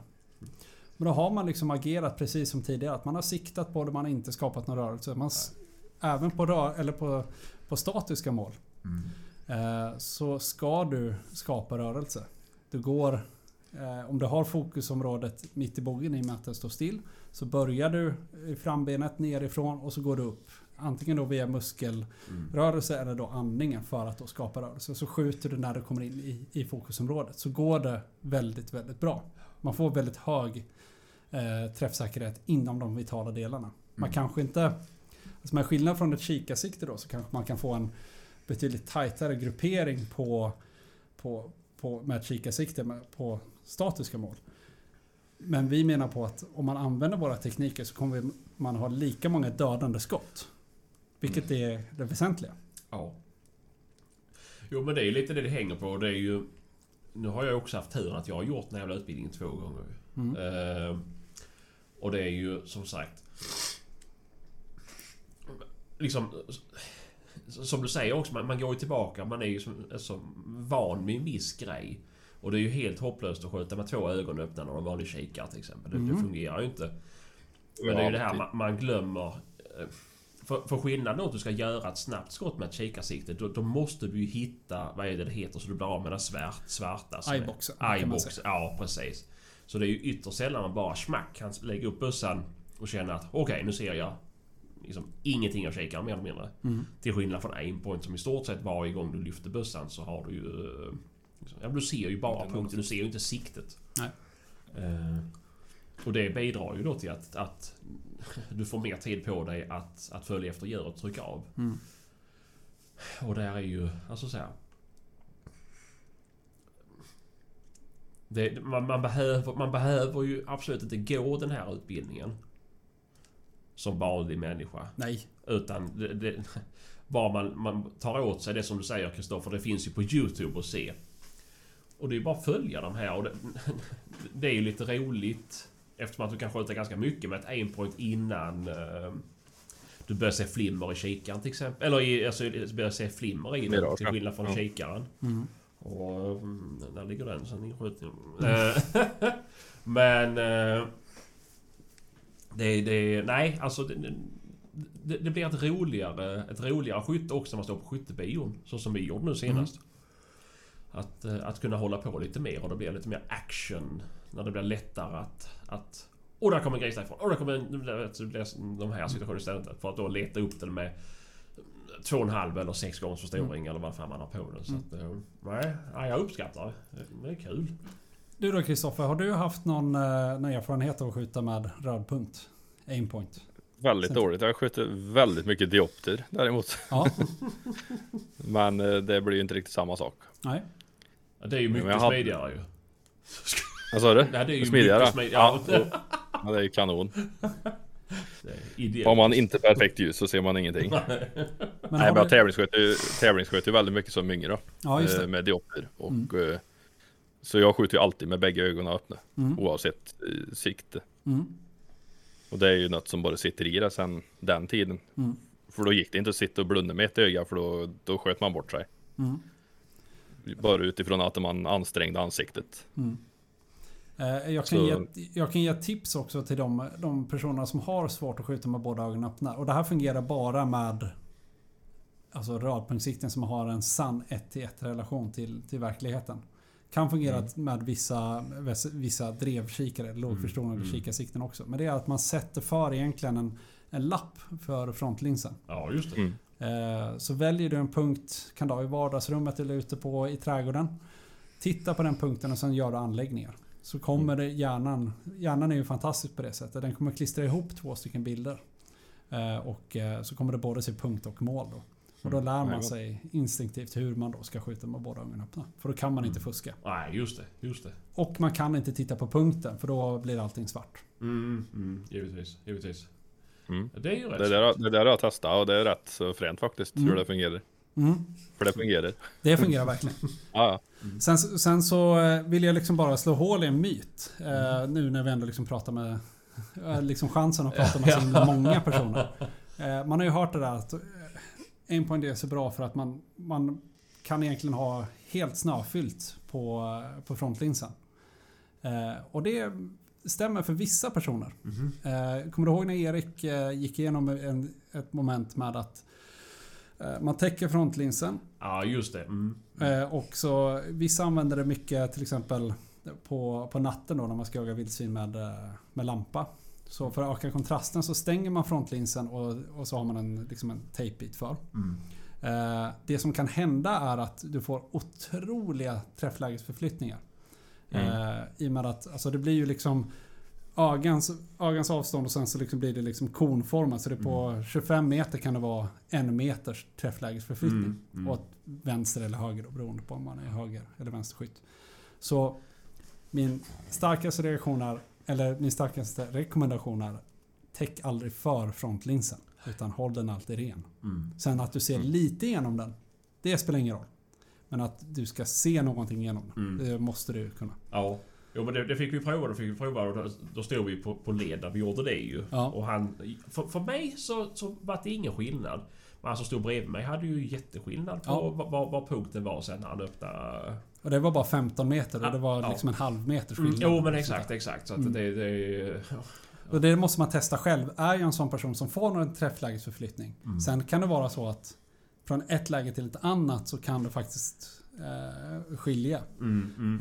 Eh, och man, man kan träna upp det, för militären tränar upp det väldigt mycket. Att man ska Mhm. kunna skjuta med eh, fronten för eh, ja, Ja, gömd så att säga. Ja, ja. Eh, men man måste, man måste träna på det och veta om det är så att man har den här problematiken eller inte. Ja, just det, just det. Mm. Men då som sagt, då, då, säger vi till folk att öppna det här jävla främre linsskyddet om ni har Ja. det. Så att, Ja. Det Jag har tagit av dem ja. ja, jo, jo, det kan man ju... Det, linsskydden. ja. Ja. De var ju fantastiska. Nej, nej, för det, det, han höll komma till, men han, Pu, Pu fortsatte jaga den här stora grisen, så smög jag upp på det ståndskalle. Och det var ju så jävla mycket snö där. Något, något helt vansinnigt. Och jag tänkte för mig själv, Oetiskt att jaga jag- så mycket snö. nej, nej, nej, nej. Alltså det, det var Inte så mycket snö var Nej men, det. så, nej, men jag tänkte för mig själv, ska jag skjuta den här stora grisen här och sen ska jag släppa ut den härifrån, då kommer jag få en hjärtinfarkt. Och jag hade snö i nacken och jag hade snö överallt. Men inte, tack vare de där jävla linsskydden, så var det inte snö i siktet i alla fall. Och det var jag jävligt nöjd över. Men det blir ju inte snö i siktet på de här utan det blir ju på. De är ju täckta med klockrena linser i änden ju. Ja, det, jag tyckte det var skitbra det här. Emot andra lågförstorande sikten som jag har där det är 3 Ja. centimeter in till främre linsen. Ja. Så man får stå med en jävla grankvist och försöka gröpa ur för att se någonting när man har gått igenom ett snöras. Ja. ja men man, hur frustrerad är man inte då när man kommer in och så ska Ja. man lyfta upp bössan och så bara snö i hela jävla kikarsiktet. Nej, Jo, och så har du ju 24 mm tub. Du får ju liksom inte in ett lillfinger i den en gång. Nej, nej. Och stå med en alldeles för dyr kikare och gröpa linsen med, med en grankvist. Det, det tar ju emot lite grann. Ja, gör det. Ja, ja, men om vi, ändå, om vi ändå är inne på det spåret så kan du väl berätta, för nu är det ju så, nu är det Akron som vi har. Ja. Eh, Va, jag måste bara fråga, varför är inte keps på den bakre för? Varför är det bara på den främre? Va? Linsskydden Det är ju keps-funktion på dem. Så att du kan Ja. ställa upp dem. Varför är inte det på den bakre för? det undrade jag faktiskt. Det vet jag faktiskt inte. nej, nej. Pass på den. Men alltså du, du kan ju flippa upp den helt och hållet, vet du. Ja, jo jag vet. Ja. Men om du vill ha Säg att det typ regnar. Då vill man ju nog ha Jag, jag skulle vilja haft en keps-funktion på den i bak också. Eh, ja, alltså Det är bara för jag. att förklara för lyssnarna så är det så här att den främre, front, eller den främre flippskyddet till Acron Mm. kan man ha i keps-funktion. Så första läget så står den i 90 grader rakt ut. Och sen så om man trycker en gång till så lägger den sig platt på. Mm. På den bakre så går det hela vägen runt och lägger sig Just på det. siktet. Så Just det. Ehm, nej, det vet jag faktiskt inte. Det är... Bra fråga. Men, Ja. Det var Det mer, mer försäljning fast man har köpt dubbla linsskydd då. ja, det, ja, exakt. Men det, de, är, de är inte samma fram och bak. Nej, de är inte samma. Eh, Nej, själva. Mm. Eh, Det skiljer lite på huset. Ja, de skiljer sig lite i huset. Eh, helt Ja. rätt. Så du kan inte ha dubbla främre Mm. för att sätta dem. Så det, är- det, är- de är lite olika. Okej. Mm. Men, eh, men berätta nu, för nu var ju Kristoffer inne och, och snuddade vid det. Mm. Och det är ju... Med, med, med, just med linserna. Att Mm. det är inbyggda linsskydd. Ja. På Acros E2 är det ju så att vi... Eh, eh, Ja, Acro-serien är ju egentligen en, en serie som är skapt för eh, handelsvapen, alltså pistoler. Mm. Eh, och vi vill göra den så liten och så kompakt som möjligt. Eh, och på pistoler så är det så här att allting, allting som är skapat till pistoler ska ju då sitta på manteln. Mm. Och då tänker man att ja, men det är väl inte så farliga rekyler. Men när ett sikte sitter på manteln så de G-krafterna som genereras när manteln går bakåt och sen skjuts framåt igen. Det är liksom helt otroliga krafter. Så alla flippskydd som vi egentligen provade flyger ju bara rakt av. Alltså de går ju bara sönder direkt. Ehm, så, så därav så istället för flippskydd då så Accu generation 1 som var då den första så löste vi det genom att vi satte då eh, lins... eh, Vad kan man säga? Eh, skyddsglas hela vägen ut mot huset. Mm. Som då skulle göra att det fastnar liksom ingenting i själva linsen utan den skyddar då eh, siktet från då smuts och sånt där. För att man då ska kunna dra av det med fingrarna istället för då Mm, att ha flippskydd så att säga. Men är den linsen utbytbar enkelt eller är det? Ja, inte, av, inte av oss. Utan eh, Nej. om det är så att den linsen skulle gå sönder eh, av någon anledning så kan man skicka ner den till Malmö då så fixar vi det. Mm. Absolut. Ja. Då sitter en dunderkvinna där vet du. Mm. Som fixar dem. Ja. Jävlar vet du. Mm. Och hon kunde sikten den. ja, det, just det. Vi var inne där och pratade lite med henne. ja, ja. Helvete. Ja, det är Susanne. Shoutout till Susanne. Mm, mm, verkligen, verkligen. Det är, eh, vi har en serviceavdelning som består av en person på Aimpoint. Mm. Som Oh, ja. gör all service på alla sikten som eh, skickas ut i hela världen. Mm. Eh, och kom ihåg att vi säljer någonstans mellan 200 till 350 000 sikten om året. Men det är kanske inte så många som kommer tillbaka eller? Nej, Så då går det ju. då går det. Absolut. Hade man fått tillbaka hälften så hade det varit eh, ett problem. Då, Ja. då hade Susanne haft hjärtproblem tror jag. Ja. Nej, men det har ju inte varit hållbart. Och det är ju egentligen bara det här lilla rummet som Susanne sitter i. Det är ju, Mm. s- säger ju inte så jättemycket. Men när jag har eh, lite såna här turer på, på kontoret och i Mm. fabriken då. Så är det en av de roligaste och mest... Alltså det är det rummet som, som egentligen eh, betyder väldigt mycket för Aimpoint. För att det är så pass lite och det är en person som jobbar 80%. Eh, Mm. hon jobbar inte ens heltid där. Nej. Och, de, och hon gör all service på alla våra sikten som vi säljer över hela världen. Och då ska vi komma ihåg att det är ju även då eh, serviceavtal vi har med, eh, med ja, arméer. Ja, ja, ja. Eh, Som eh, hon då underhållsarbete och du vet. Eh, De som, de som använder produkterna i armén kanske använder det ännu flitigare än till och med Hampus. Vi får väl se. Ja, exakt. exakt. Nej men så det, det är, jag, ty, jag tycker det är jättekul att alltid visa det rummet. För ingen fattar ju vad det är för någonting. Och sen när, när jag säger liksom vad det betyder, eller vad, vad de gör, eller vad hon gör där inne. Så trillar liksom poletten ner automatiskt att det måste ju vara hög kvalitet. För att Mm. annars hade vi aldrig kunnat... eh, Haft en person på 80% som Nej precis. Nej precis. Och sen är man ju väldigt duktig på sitt jobb. Men det spelar nog ingen roll hur duktig man är på sitt jobb. Om man har dåliga produkter. Nej, nej, nej, nej såklart. Men annars blir man ju trött på sitt jobb om eh, man Ja. inte man producerar exakt. skit ju. Ja men exakt. Men där är också... Och det, du, det var ju som du så... Sebbe. Vad sa du? Som du. Nej, jag producerar inte skit. Jag hjälper skiten att komma ner i avloppet. och krysta. Nej, men vad jag säger, men det det är ju också en bra grej att det sitter en då och har hand om alla sikten som kommer tillbaka. Mm. För då är det också en människa som får sin bild av att Hmm, Okej, på 9000-serien så var det det här som var den svaga länken. Och så vidare. Alltså jag bara, jag bara hittar på nu. Ja, men exakt. Eh, och då är det väldigt lätt att se när man ska göra en ny generation att okej, men nu har Susanne fått fixa 19 bla bla bla mm, liksom Mm. på den här. Eh, är det något vi kan göra? För vi brukar ha noll på den här grejen. Ja, men exakt. Ja, Mm. eh, du fattar. Ja. Då, eh, Nej, men det, det blir ju väldigt lätt för oss att följa upp problem. mm. Eh, sen så... Hon gör ju alltid avvikelser på om det är någonting nytt som kommer in. Mm. Eh, som vi ser. Alltså om man hittar någon sorts röd tråd i någonting. Så gör hon ju avvikelser på det. Sen så rättar vi till det då i, i de olika processerna vi har. Just det, Mm. just det. Om det då är en komponent då, till exempel som är undermålig. Eller om det är någon, någon lim. Eller om det är... Ja, Mm. eh, till, till exempel så precis när vi innan vi började sälja Acron så testade vi ju eh, Acro P2 då, eller Acro C2. Eh, med 30 000 skott eh, i en skjutbiograf. Och det gick ju jättefint. Ja. Och sen så när vi skulle fortsätta skjuta med det då. Så gick alla sikten i sönder. Jaha. Och det var för att det var någon limning som då stelnade för mycket. Som liksom var för stum i... i eh, när det blir en rekyl så får ju limmet inte vara för stumt. Nej, utan det det. måste ju liksom ha lite, lite giv i det. Och då, så då bytte vi lim. Mm. Och sen så ja, kunde vi åtgärda det felet då. Ja, ja. Jo men det är ju... Men det var alltså någon som stod och sköt alla dessa skotten inne på biografen eller? Tror du det är ett drömjobb eller? Ja, Ja. Behöver ni folk eller?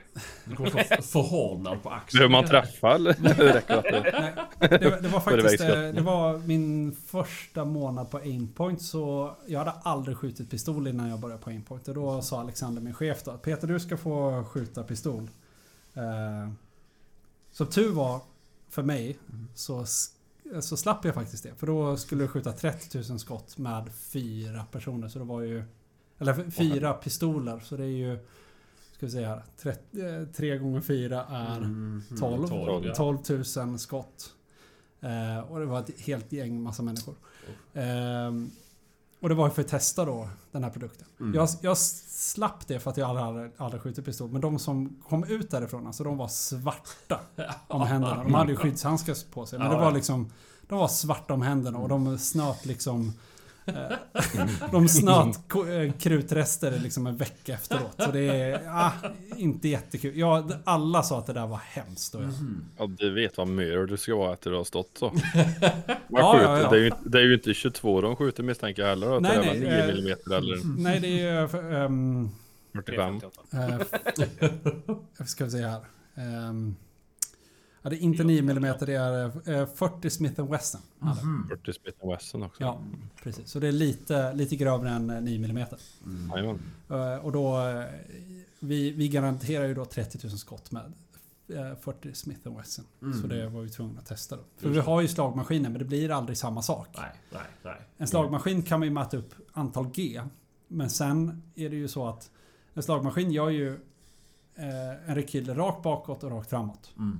Mm. Eh, allt det här med vibreringar och krut och liksom hur, hur mycket av, eh, av rekylen som tas upp i handen och allting Aj, sånt går ju liksom inte att simulera. Eller går väl, men det hade väl kostat otroliga men, ja, mängder pengar. precis, för då ska du ha, du ska vara en fet hand, det ska vara en vältränad hand, du ska Ja. hålla lite snett, du ska vara lite lös på handen, du har skjutit tusen skott, du ska ha... Ja, Men det är ju mycket som händer på en pistol också med fjädrar och hammare och allting liksom Ja, och innan inte- själva skottet smäller. Och inte nog med om ni har stått bredvid en, en person som skjuter... eh, Ja, en person som skjuter bara så känns det ju nästan i hjärnan på dig när, Ja när det smäller tryckvågen som kommer. satan. Jag sköt en del pistol förr och inomhus, det var ju hemskt det. Ja, Stå bredvid någon som sköt 9 mm eller större. Fan det kändes som ögat skulle pluppa ur skallen på en när den stod bredvid. ja. Och då, då är det ju liksom allt sånt hänt ju inuti siktet också. Mm, Eh, Så det är ju det är en del av liksom test, eh, testprocessen. just det. Ja precis. Mm, mm. Ja men det är ju fränt alltså. Och då är, det, då är det bra att ni har Susanne som kan... eh, Ja, exakt. Hon har ju inte Gamla skjutit så mycket. luftgevär är ju bra att testa sikten med. Det har jag ju gjort i mina yngre dagar. Ja, eh, har där, förstört ett, ett gäng. där vet jag. Jag har inte riktigt förstått eh, varför de är så elaka. Men jag har förstått att de är Det är den där jävla fjäderrekylen. Ja. Du har ju en fjäder som slår stumt framåt. Mm. Och det är ju ett helt motsatt håll emot vad de allra flesta siktena gjorde för att ta rekylen antar jag. Ja men exakt. Eh, Men eh, Leopold har nog skrotat tre stycken i alla fall. Mm. På luftgevär. Mm. Och där eh, vågar jag inte säga vad våra sikten... Jag skulle gissa att de klarade men jag vågar inte svära på det. För jag har hört att det ska vara några helvetiska... eh, Ja, ja, det är ju jättemärkligt för man upplever ju ingen rekyl i ett luftgevär. Nej. Men det har jag ju fått förklara för mig att det är just den fjäderrekylen, snärten som blir. Mm. Det är ju ganska, det är ju ändå, det är ju ingen direkt kännbar eh, rekyl, men jag, en gång så testade jag bara för skojs skull och, och la ögat emot kikaren på ett luftgevär. Det är också en sjuk Eh. tanke och de bara kommer upp i huvudet. Ja, Ja. men det gjorde jätteont. Jävlar vilken smäll alltså. Men du upplever ju inte rekyl när du skjuter med luftgevär. Nej. Men du har ju det där fjongen som smäller till. Det, den är nog eh, väldigt aggressiv egentligen. Mm. Ja. Men eh, ja, ja, nej men... eh, Vi, vi går ifrån luftgevär för det är ingen av oss som håller på med det idag i alla fall. Mm. Eh, När vi ändå var inne på Acro C2 så kan Ja. jag ju säga att jag skickade till Acro C2 till allihopa. ja. Eh, och det är egentligen inte för att vi vill visa Acro C2 mer än någon annan produkt. Eller att vi tycker att den är bättre än någon annan. Eh, men det var eh, av den enda anledningen för att eh, jag såg eh, Du Sebastian och Hampus, ni har ju blaser. Mm. Eh, och jag ville visa vårat låga blasmontage som är eh, marknadens lägsta. Faktiskt. Eh, Hampus, vad, vad kände du och tyckte du när du såg det? Nej, jag tycker det är jäkligt, lätt, li- jäkligt smidigt alltså. Mm. Det är skit, alltså jag behövde inte, jag har, jag har ju kollkam, behövde inte justera någonting utan det var, det var riktigt jävla bra alltså. Ja. Och det, det, det får jag också säga för jag har ju ingen kolkam. Jag känner inte behovet av att skaffa en heller. Nej. Det, det är så pass... eh, Det, var- det var inte har så att jag behövde lägga också. in en... Ja, men jag behövde inte ens lägga in en dubbellös för att det skulle ligga bra. Utan det var ju... Det låg bra av sig självt det. Nej, och där, där har vi ju liksom en av de största, det kommer vi in på lite senare också. Men Mm. det- Acro C2 där kan man få till otroligt låga montage. Mm. Och till blaser så är det den enda anledningen för att Acron faktiskt är lägre montage än H2 är. För att H2 är helt enkelt för lång för att man ska kunna sänka ner det mer. Mm. För att man ska faktiskt få plats med siktet. Just det. Mellan Mm. de här två fästpunkterna. Ja, just det. Acron är mindre än avståndet mellan fästpunkterna och därför kan man då sänka ner det eh, ytterligare lite. Ja. Ja, precis. Eh, Ja, jag mätte ju på min drilling förut. Vad sa jag? 17,8 millimeter från spång upp till centrum lins. Mm. Precis. Och det kan vi ju då fortsätta prata om för det var ju också någonting som var bra då för då var det ju Du har drilling och Martin har drilling, nu har ni vanliga vapen med men ni- vill ju i så fall ha era, eller aimpoints på era drillingar. Mm. Mm. Uh, nu är det synd att inte Martin är med. Men... Det eh, blir ju ett jävla lyft på en 110 år gammal bössa kan jag säga. Ni skulle ju haft den där i, i en liten annan finish som hade passat in lite bättre med, ge med det ett år vet du så har du väl glömt den någonstans och det har börjat mögla. Ja men det är bara Ja. att dra den efter bilen Ja. så liksom, Ja, det är lugnt att klara den. Ja, nej men det det var ju... Eh, vi, vi kan börja med det här då. Vi börjar med Kristoffers bit där. För du, du har ju ändå varit med i vapensmeden. Han har monterat eh, Mm. och skapat fäste för din 110-åriga drilling. Mm. Var det ett jättearbete? Nej, alltså skulle jag ha gjort det så hade jag ju inte varit färdig. Nej, det, det hade Men, nog inte varit men klart för om någon som är jävligt duktig på att köra maskiner och, och skruva vapen så var ju inte det någon big deal. Nej, nej. Han tog lite mått och, och märkte upp lite grann och sen så han, han mätte en gång och så gjorde han allting färdigt. Mm, mm. Själv hade man ju stått och mätt i flera dagar innan man hade vågat gjort ett hörn någonstans där men eh, Jo, men han har gjort det där ett tag så det var ju inga, inga pix. Nej, precis. Men då får vi väl göra ett shoutout till eh, Johannes Blomqvist, vapensmide då. Mm. Eh, Det Ja, det är... Men hur, eh, hur, hur blev det? Vad fick han göra för åverkan på din bössa och hur blev, vad blev det för montage? Det vi har gjort är att vi har eh, Det blev två hål i spången då. Mm, mm. Två gängade hål. Sen utgick vi från mikro akro adapterplattan som ni hade. För den var det ju ganska mycket gods i och inga genomgående förborrade hål. Så den kunde vi ju borra efter spången som vi ville ha då.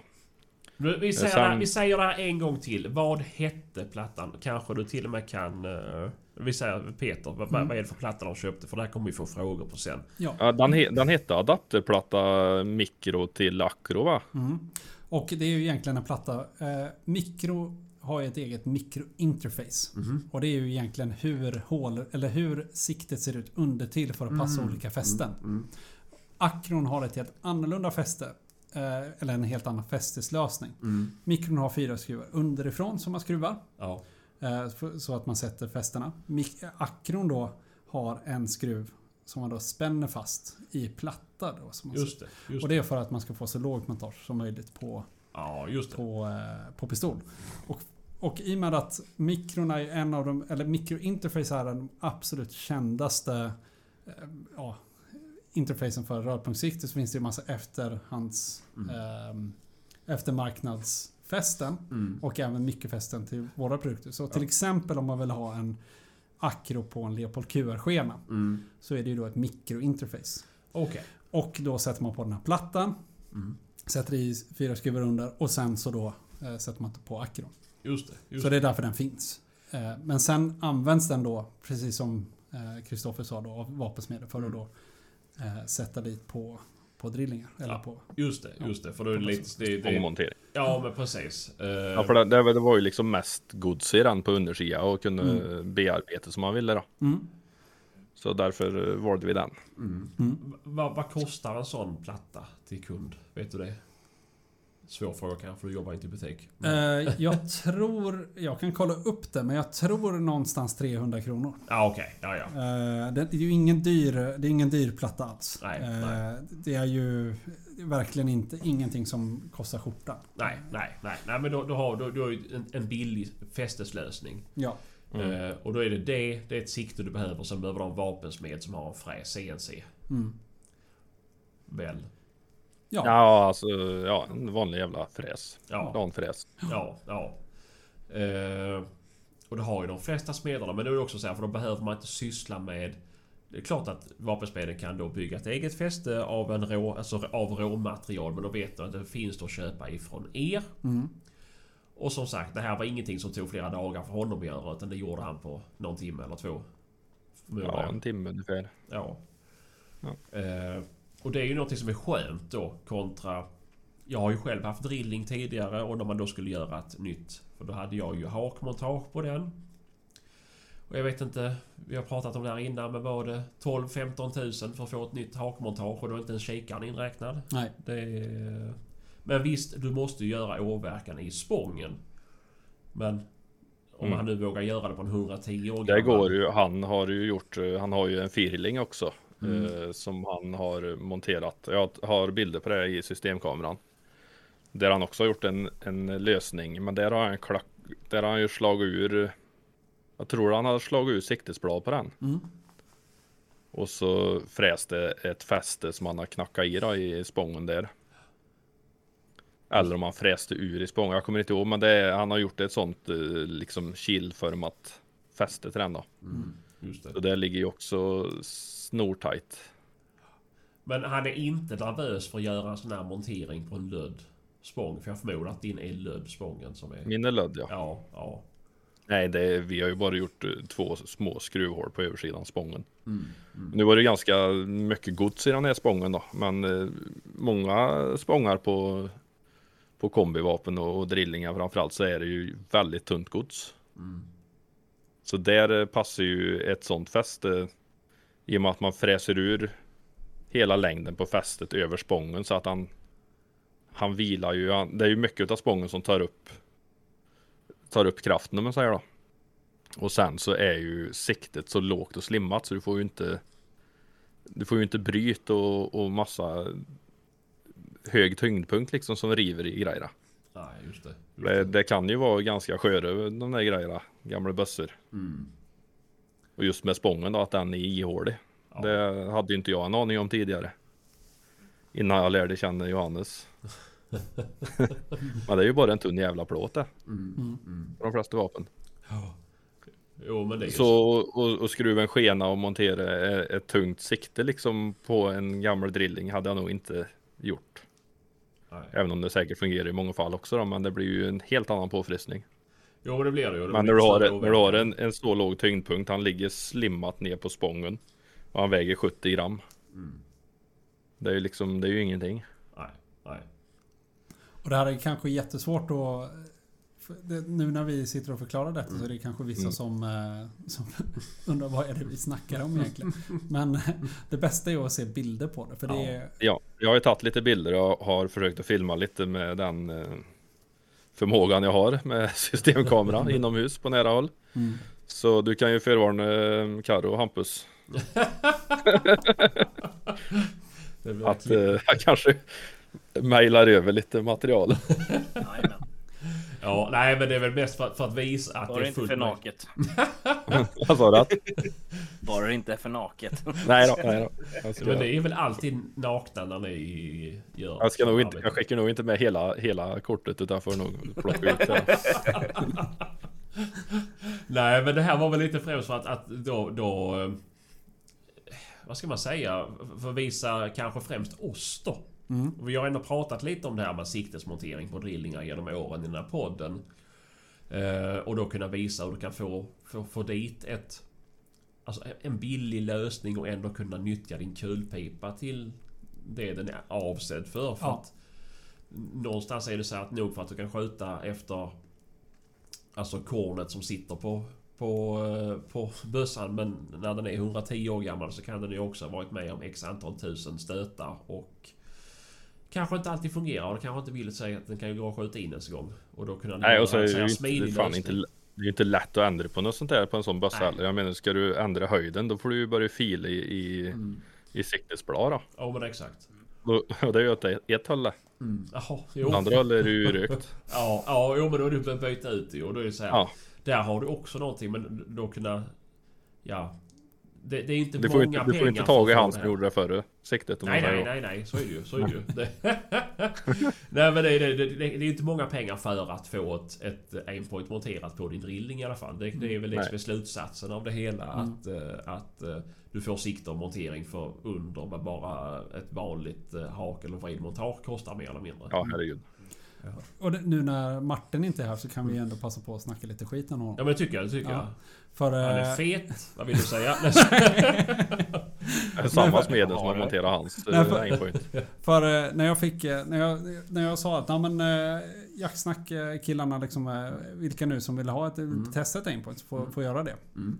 Så skicka då liksom vad ni vill ha det till och liksom eh, festen och sånt där. Så skick, skickade Sebastian en lista på mig och en eh, H2 med Weaver och så frågade jag, ja men vad ska, ska han ha det till? Ska han ha det till studsare då? Nej, han ska ha det till sin drilling. Så sa jag, nej, det får han inte. Du vart, du vart förbannad på Ja, mig det- då. Jag blev förbannad så jag, vi ringde upp honom med konferens och sa att nej, du det där eh, det håller inte. Liksom. Alltså om, om vi ska göra någonting får det bli makron för det blir mycket bättre än med Weaver-montage. Mm. Ja herregud. Jo, Eh, är- Ja och som en drilling då som är 95% hagelvapen då för de flesta, ja, åtminstone för mig. ja. Då, då vill ju inte jag ha en 5 cm hög lösning på rödpunkt. Nej.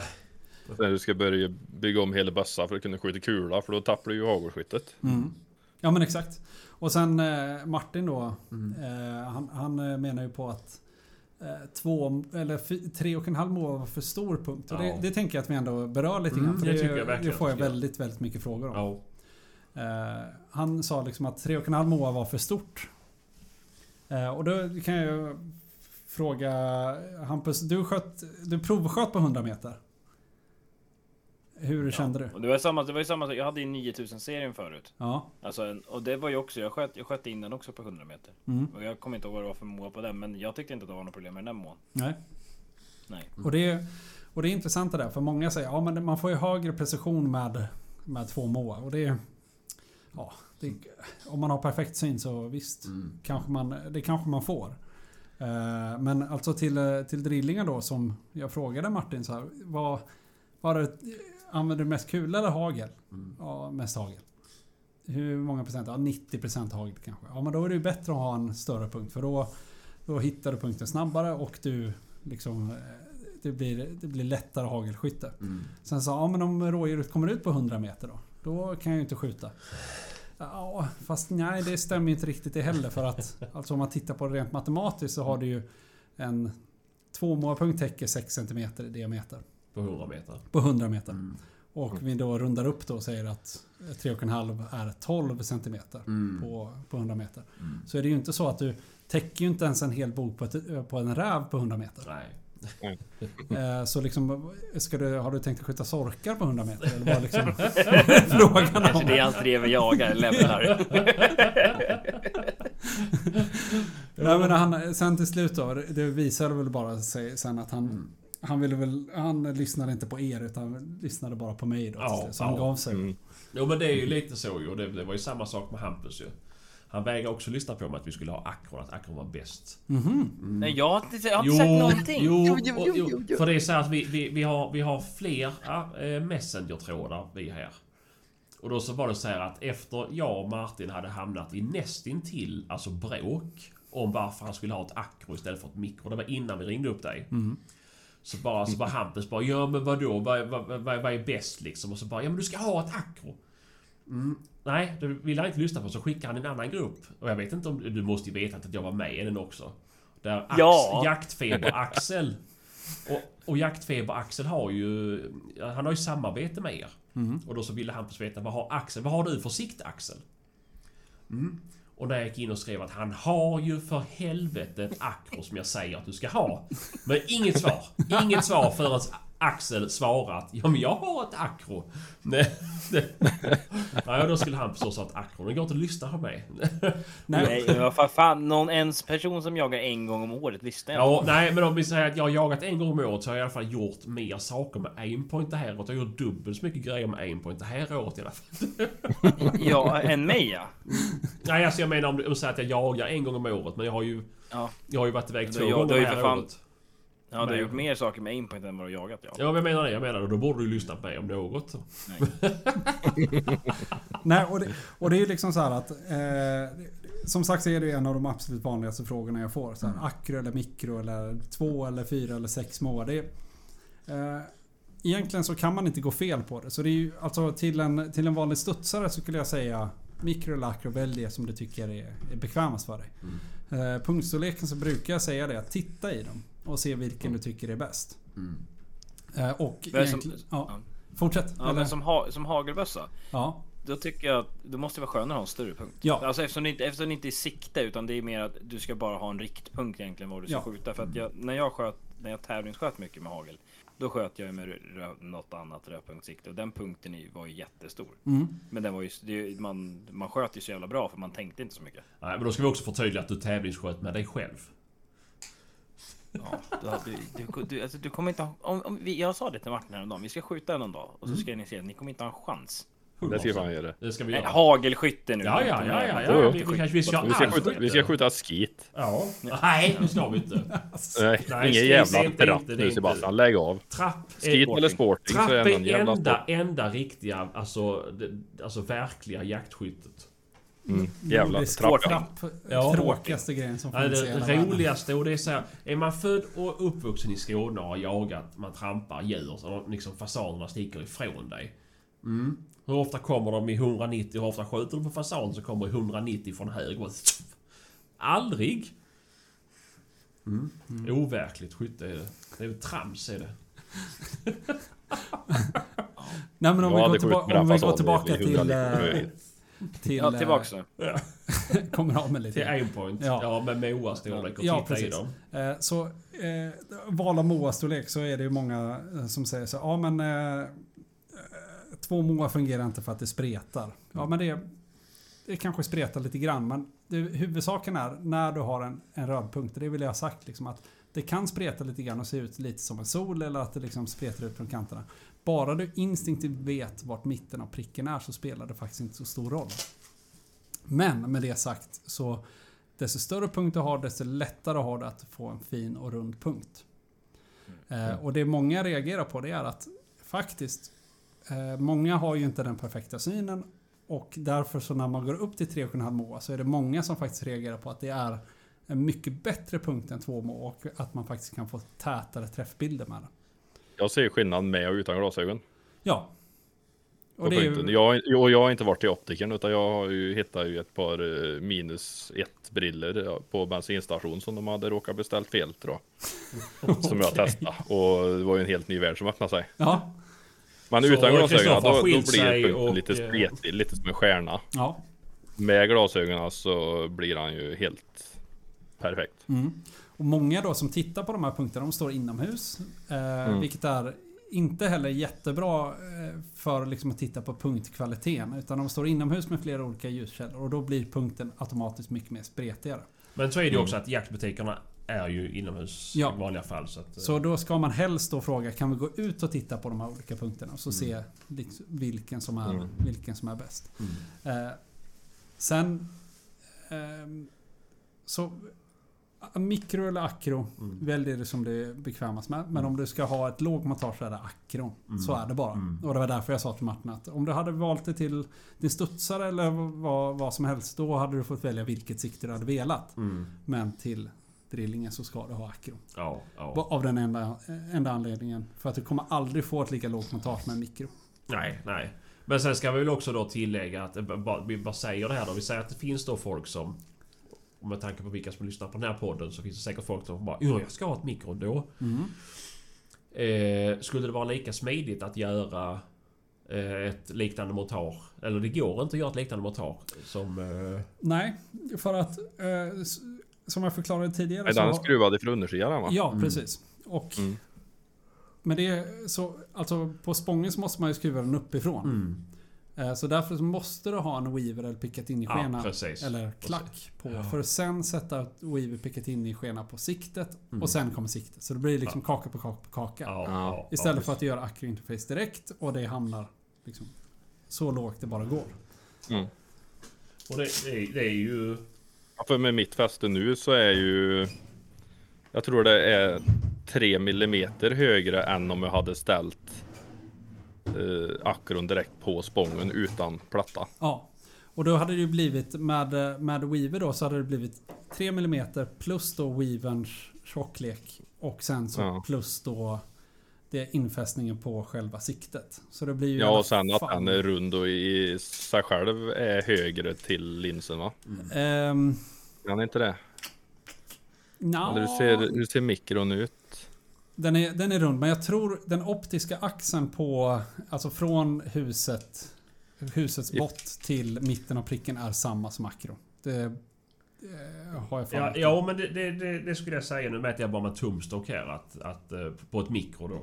Att det är typ 15-16 millimeter. Nu ser det, det är svårt Mm. med tumstocken. Men att det är något liknande.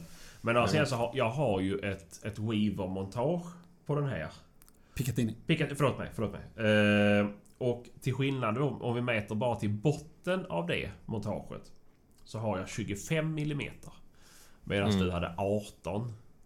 Eller vad var det? 16,8? Ja, 17,8 millimeter från spången till mitten på linsen då, till Mm. punkten om man säger. Mm, mm. Sen har du ju Weaver-klacken eller Picatinny-klacken också. då, Plus så det blir- den då ja. precis. Så, så att Mm. det är ju... Det blir ju... Det blir jävla hög grej då. Ja, det blir det ju. Det blir ju Mm. minst en centimeter högre. Ja.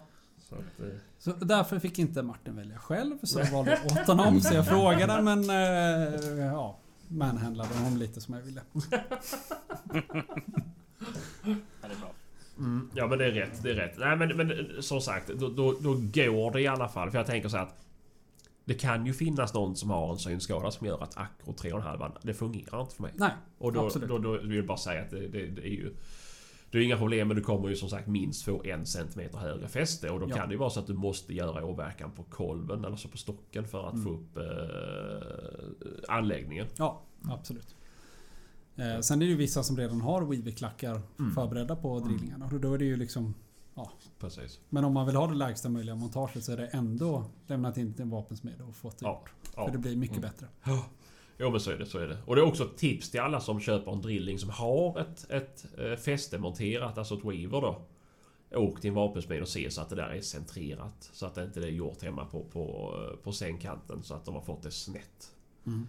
Det, Det har man ju sett eh, på annonser på drillingar där det har varit borrat i omgångar. Och Mm. det ser ju ut som, ja, jag vet inte vad, Nej. En hårbild som är Ja. Jo men det, det är nog... I och fan med att inte drillingar två skruvhål som är i linje med varandra. Nej men exakt. Men i och med att drillingar är ganska gamla. Oftast. Mm. Eh, Så, så, så finns det ju både en och två herr Nilsson som har provat att montera själv för att de är snåla. Mm. Mm. Så att, eh, bara, bara en, en tanke på det. Men vi, vi återgår till sikten då. Eh, Och vi, vi, vi, vi lämnar Martin och hans insnöade tankesätt. Eh, vad, har, vad har vi mer för sikten från Aimpoint förutom Acron och Micron som, som ni säljer jag sett han du pratar på där, det är den hagel Precis. eh, S1 då, det är ju vårat sikte som är då anpassat för Mm. hagelvapen. Mm. Och eh, det som är unikt med det siktet det är att det är elektroniken från en H2 med huset från en S1. Och sen så är det ett integrerat fäste då som man spänner fast på spången då. Just det. Eh, och eh, det har en sexmåarpunkt i sig. Ja. Eh, som då möjliggör att man ska kunna skjuta upp mot himlen utan att man då ska tappa fokuset från Mm. då det man ska titta på. Alltså fågel eller, eller lerduvor då. Just det. Det integrerade fästet då som sitter på spången. Det är ju så lågt det bara, det bara går att göra för att det sitter ju egentligen dickan mot, mot spången. Mm. Mm. Eh, och Ja, det är ju ett sikte som eh, vi... Alltså det fanns ju lite, lite sikten och sånt som eh, lanserades på marknaden innan vi lanserade S1 då. Men vi är nästan ensamma på marknaden på att ha ett sikte som faktiskt håller. Eh, eh, som man då sätter på spången. Ja. Eh, vill inte namedroppa andra varumärken men de, de, har inte, de har inte hållit särskilt bra. Eh, och det har väl, har väl varit en, en ganska lång väg att gå för att skapa acceptans att faktiskt ha ett rörpunktsikte på hagelgevär. Mm. Det har ju varit accepterat väldigt länge att ha både kikarsikten och rörpunktssikte på kul, kulgevär. Mm. Eh, senaste nu då är ju att eh, det senaste på marknaden är att man ska ha rörpunktssikte på pistoler. Har också varit väldigt eh, ifrågasatt. Om man ska ha det eller inte. Nu är konsensus att man ska ha det. Mm. Eh, och vi hoppas ju på att vi ska öka, öka acceptansen så pass mycket att det inte längre eh, ifrågasätts om man har ett rörpunktssikte på sitt hagelgevär eller inte. Jag förstår, inte, jag förstår inte anledningen varför man inte skulle ha rödpunktssikte på ett hagelgevär. För alltså, så, så, alltså, för du behöver ju aldrig riktigt tänka på att du behöver göra en perfekt anläggning med ett hagelgevär då. Utan det är bara uppåt. Det funkar ju liksom tycker jag. Ja men exakt. Jag, jag, jag föredrar ju rödpunktssikte på hagelgevär. Så Mm. är det bara. När det kommer till skytte. Och där, där, kan jag ju, där kan jag vara helt transparent och säga att eh, jag tror att mycket av det motståndet kommer från de här extremt duktiga hagelskyttarna. De som har tränat dag ut och dag in och skjuter liksom 20 000 plugg om året eller ännu mer. Mm. Eh, de instruktörerna då som säger att ja, men hagelskytte det ska vara instinktivt. Det ska man bara ska upp med bössan och så ska man skjuta. Men om man bryter ner hagelskyttet och säger vad producerar en bra träff? Hur ska målbilden se ut för att du ska få en bra träff? Mm. Du ska se spången, inte för mycket av spången. Du har kornet där men du ska aldrig titta på kornet. Eh, duvan, alltså träffen tar någonstans över kornet. Man vet inte riktigt hur mycket. utan Man måste liksom hela tiden gissa sig Det fram där är ju det. så mycket hur bössan passar det och Ja, precis. Det Eh, brukar vara 60 procent någonting över kornet va? Och ja, 40 exakt. under i bästa fall. Ja, exakt. Och det, är- det är ju väldigt... Alltså, man, ni har ju själva, det blir väldigt eh, förvirrande. Ja, ja. Eh, och vi menar på liksom så här att om, om man har ett rörpunktssikt så vet man i alla fall var svärmen går någonstans. Mm. Sen kommer man fortfarande ha problemet med att man ska tänka på att ha en bra sving. Man ska liksom inte... Eh, ännu viktigare med hagelskytte med rörpunktssikt att man inte tittar på punkten. För då kommer du automatiskt vara efter. Mm. Eh, du ska Ja. inte sikta med rörpunktssiktet. Nej, för jag tänker som om du står på eh, typ platta fyra på skiten och skjuter Ja. ren sidoduva där du ligger 2,40 framför Ja. när du trycker av. Ja. Får du någon fördel då? Alltså det beror, på, det beror på vem man frågar. För det blir så jävla distinkt liksom. Ja, du hör kastaren går och sen smäller det liksom. Ja men precis. Och det är, det, eh, det är där, det är där många liksom, där jag får mothugg. Liksom så här att ja, men på, den, på den duvan så visst då kanske eh, rörpunktssikte är bu eller bä för en, för en van Mm. Mm. Eh, Jag ser ju på jaktstigar är det ju fruktansvärt många som skjuter eh, med rödpunkt. ja. Mm. Hagelstig. Mm. Och, och där har vi ju liksom största anledningen för det eh, tror jag är liksom om man står på skitbanan då till exempel så har man ett inövat beteende. Man vrider upp kroppen, man vet exakt var duvan kommer någonstans Mm. och man har en det är, det är ett bra, det är bra, det är bra att öva på. Men det översätts kanske inte direkt till hur man ska producera en bra träff i det vilda, alltså på jakten. Nej. Eh, alltså... Man kanske inte använder rörpunkten på det sättet då heller. För då är man ju långt utanför. Liksom, man ser ju knappt punkten och man ser knappt duvan. Liksom. Man går ju förbi Nej, det är ju så. långt. Det är, ju- man är ju så långt före så det är ju liksom utanför allt. Ja. Så jag brukar liksom säga att vårat S1 är mer till praktisk jakt än sportskytte. Ja, det skulle vara sporting då. Ja, absolut. Där, där är det många duvor som i alla fall jag tittar bort mig på. Ja. Långsamt inkommande. Ja. Du lyfter bössan lite för tidigt. Mm. Och så går man ifrån det instinktiva till att man börjar titta på kornet. Ja. Och sen skjuter man bom. Ja, exakt. Och det, det är väl samma sak med, med inpointen där också då. Att eh, om man har för mycket tid på sig eller om man tittar på punkten så börjar man liksom att sikta och då kommer man Mm. bomma allt. Eh, men någonting som...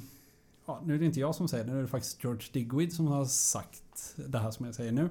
Eh, ni som inte känner honom är ju egentligen historiens absolut bästa hagelskytt genom alla tider. Han sa att att hitta linjen på, på duvan är helt, egentligen helt eliminerat med röpinsikter. Mm. För du, du vet, det egentligen, handlar egentligen bara om framförhållningen. Mm. Eh, linjen kommer du alltid hitta i och med att du har punkten som en referenspunkt och så bara driver du igenom den egentligen. Man ritar ett streck i luften. Ja.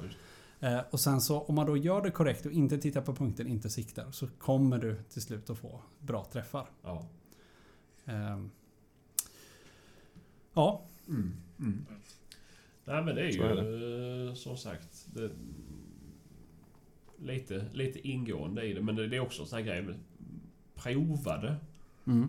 Eh, för det har jag fått göra nu. Jag tyckte ju att det var uh, asfränt liksom. Det gick ju skitbra för mig. När jag fick en lite bättre instruktör än Peter då. Det. Behöver det vara ventilerad spång för att kunna nypa fast den nässetan eller går det på en slät? Nej. Eh, I och med att alltså det är ju... eh, Alltså de här klackarna då som man spänner fast det, de är ju kilformade kan man säga. Illformad ja. Så du måste ju ha någonstans att klämma fast det i. Det behöver inte vara Någon- ventilerat någon men du måste ha liksom en... Det ser ut som en liten lackspår typ. Så att du verkligen kan klämma fast i någonting. Ja. Eh, ventilerat är att rekommendera. mm. Men alltså är det ju Ja, jo. någonting som en vapensmed löser också simpelt. Ja, ja. Så att det är ju... Ja. ja. Absolut. Ja, det går ju att fräsa ur en liten anvisning i sida på en spång då om det finns nog med material. Mm. Precis, precis. Sen ska vi väl också tillägga då att eh, den här käften på fästet öppnar bara en viss millimeter va? Ja, Ja. Och det minns du kanske inte, inte jag heller. Men det var det, det, Jag behöver ju lämna in min bössa och få den nerfräst någon millimeter för min Mm. spång på Miroccon då. Och ni som har haft Mirocco typ MK800. Det är ju väldigt mycket spång på den. ja. Det är jättemycket spång på en sån. Mm. Eh, och det var på håret att det inte gick alltså. Så att det... jag tror, om jag inte missminner mig så är maxtoleransen 12 mm Mm, mm. på, eh, på våra sikten. Just det. Men det är väldigt, alltså de, de, hagel, de hagelvapnen som säljs idag är det väldigt, väldigt, väldigt, väldigt få som har bred spång. Ja men så är det. Min är ju från 80-talet liksom. Så Mm. där är det ju. Men men jag säger bara det, det finns ju folk där ute som har det. Absolut. Eh, men om vi säger folk som har sida sida då? Det blir Där är det ju svårare. Ja, Det blir ja, jätte, jättesvårt. ja precis. Om du hittar en sån med en spång som sticker upp så jag det ligger ju att det finns oftast ner någon. mellapiplar ju. Mm. Baikal har väl säkert. Ja, det Ja, är liksom, du gör ett fäste du nyper runt uh, hagelpipan. mm. Mm. Och eh, ja, vad, vad kan man mer säga om, om S1? Alltså, den största fördelen skulle jag säga, det, och det är ju, jag inkluderar den här målgruppen, det är ju alltså de som är feldominanta. Eh, jag kan ju inte skjuta med båda ögonen öppna med hagelgevär. Det går inte. Nej. Eh, för då ser jag bara sidan av pipan. Mm. Och i och med att du har en överproducerad punkt som produceras av aimpointen så kommer du kunna skjuta med båda ögonen öppna. Mm. Och det hjälper ju otroligt mycket med hagelskyttet. För där är ju... Man ska ju helst skjuta med båda ögonen öppna. Ja, just det. Mm. Mm. Mm. Jo, Det finns ju en annan lösning till det också. Lite lätt överskränkt korv. korv. det har man ju sett. Ja just det, precis. Som är som ett jävla S. Du Skjuter höger fast du tittar över spågen med vänster öga. ja, det låter bra. vilket, vilket bygge alltså. De har inte sett de som har sikterna som går ut på sidan? Ja, Jo, jo, men det finns ju också. Mm. På studsare. Mm.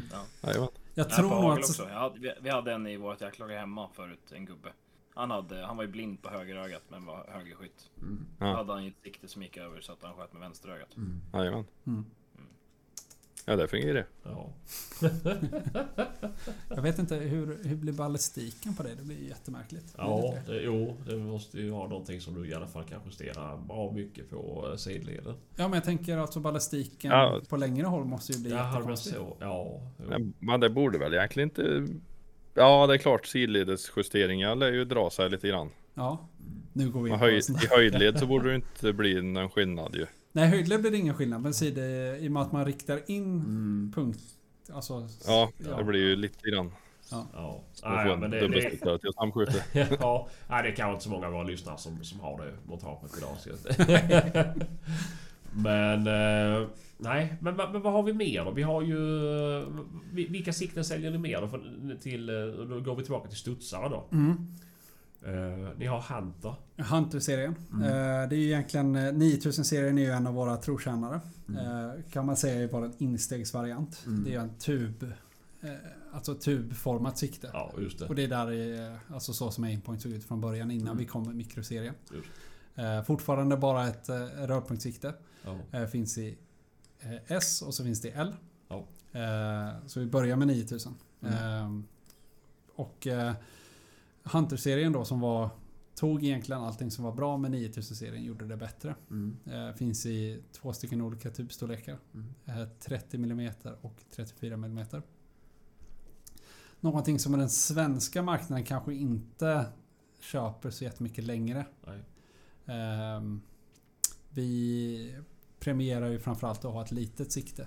Mm. Eh, Och om man skjuter med båda ögonen öppna så tjänar man liksom ingenting på att ha en stor tub eller alltså Nej. stort. Många säger liksom så här, man har ju så fantastiskt synfält på Hunter 34.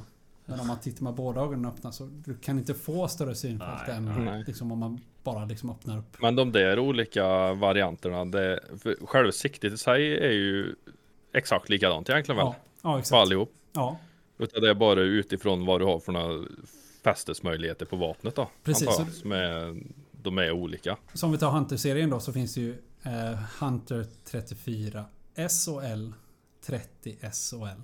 Och det är Är egentligen... det kort och lång där eller vad står Ja, det? precis. SL? Ja, det är kort, eh, short och lång. Helt enkelt. Jajamän. Och det är ju till exempel ja, eh, Saco 85. Kan vara Mm. rätt knepigt att få tag i montage. Mm. Eh, och då har du ju två lådor. Eh, och för att då eh, själva siktet då ska få plats med två ringar. Så kan man Mm. inte ha den korta varianten. Så det har ju med lådstorleken att göra. Just, Precis. just det. Ja men då är jag med. Men om vi säger så här då. Om du är blind på ena ögat. Mhm. Då skulle du ha nytta av att en, en Hunter till exempel. Ja, absolut. då, då, då, har du inte, då, då får du inte hela seendet med, med två ögon väl? Alltså nej det får du Nu inte. vet inte jag riktigt hur Om, om du är blind på rätt om, öga om, om jag är blind på ena ögat. Mm. Då, då, om jag har ett mikro så Mm. tittar jag bara igenom det här Ja, lilla absolut. hålet. Ja, det Ja, absolut. Ja. Då hade du tjänat på en 34. Ja, ja, jag menar absolut. det. Jag menar det. Ja. Mm, mm. Helt rätt. Så ni som är blinda på eh, icke siktesögat. Ni, Mm. ni har ju, gör ju vinning i att köpa en hand. Absolut. Absolut. Ehm, men... eh, nej men jag... jag jag minns ju, nu, nu kommer jag inte ihåg hur många år sedan det här var. Eh, vi pratade om det när jag var nere sist. För det var ju precis när Erik Gås hade börjat med se om det var 12 eller 13 år sedan. Då var det ju när ni lanserade Hunter-serien. Mm. Och då var det, du vet jag att de pratade om det. Och de pratade om de här som inte kunde komma ifrån att ha ett kikarsikte. Att det kändes fel att ha någonting som var mindre och ville ha det här eh, klumpen eller på att säga. För, för typ. Du har ditt, ditt eh, montage på drillingen säger vi och du har liksom inte... Eh, ja. Du har inte råd att göra nya ringar eller du känner inte för att lägga de pengarna. Mm. Så det är därför att man köper en sån då. Ja, absolut. Det, Ja, det finns ju, finns ju mängder av anledningar att, Mm. att välja liksom en Hunter. Mm. Men om man tittar Jag på... hade ju Hunter på, på dubbelstuds. dubbelstudsaren i hakmontaget. Ja. Det var ju tvungen att ha eh, det för de ringarna då. Mm. För det kan, på ett takmontage så kan du ju inte ha en tub på kikaren som sticker ut flera centimeter framför främre ringen. Nej, För då kan du ju inte vrida av det. nej exakt. Eller lyfta av det då. Nej exakt. Så det, det var ju jäkligt smutsigt då. Mm. Eh, och det, det, ja, när Hunter-serien kom ut, eh, ja, ska vi säga 2012, Mm. tror jag att det var i alla fall. Mm. Mm. Eh, så fanns det inte riktigt lika många fästeslösningar som det finns Nej, idag till nej. Så alla de här lösningarna som vi ser idag kanske inte fanns. Nej. Eh, och därför så fanns det ett större användningsområde för det då Mm. än vad det, vad det finns idag. Jo men det, det stämmer nog för att jag tror det var nog ingen utav oss. Och då säger jag så här, det hade vi väl... Ja, nu är det här bara kuriosa liksom. Men, men vi hade en som hade blaser. Han fick komp. Eh, Men vi andra hade ju typ CG och Saco och ja men Browning. Mm. Och alla vi fick ju Hunter-serien för Mm. att det var det som hade till för att de flesta hade ju Leopolds QR-fästen. Mm. Eller två Weaver-klackar eller vad man säger. Ja, exakt. Ja, ja. Eh, Men eh, nej, det var det inte. Och det var ett jättekonstigt fäste på kompet. Vet jag till Blasen. Att det var typ tre ringar eller någonting på den. Två stycken, Två ringar. Ja, just det. Ja. Mm. Mm. Men eh, nej. Det, men det, det, då är det ju skönt att det går framåt i alla fall i utveckling och att våra vapensmeder blir bara bättre och bättre. Mm. Men, men med det sagt så liksom Hunter-siktet är jättefint sikte. Mm. Men det är liksom jag, jag... Personligen så ser jag ingen anledning för att ha ett stort sikte när man kan ha ett litet akro till exempel. Eh, ganska självklart val för mig. Ja, nej men så är det ju. Så är det ju. Eh, och är du då klent som jag med och inte orkar ha så mycket på ryggen så är det ju superbra. Men om vi säger så här då. inte, om du skulle ta bort din buk istället så skulle du inte ha problem med det. jag ska inte komma här och prata buk. eh, prisklass då? Mm. Va, vilken är den billigaste modellen för de som vill köpa? Ehm, Vi, vi bortser från montagelösning för då kan vi inte räkna in blaser för det, det, bara där har du massa pengar. Men, nej men exakt. ja. Eh, 9000 och Acron ligger ungefär lika i pris. Mm. Eh, om vi då tar Acron rent och eh, 9000-serien rent Mm. utan fästen så Mm. ligger vi ungefär på samma prisklass. Just det. Just det. Eh, och därav så liksom Det är därför Acron har blivit så fantastiskt populär. För att Ja, den ja.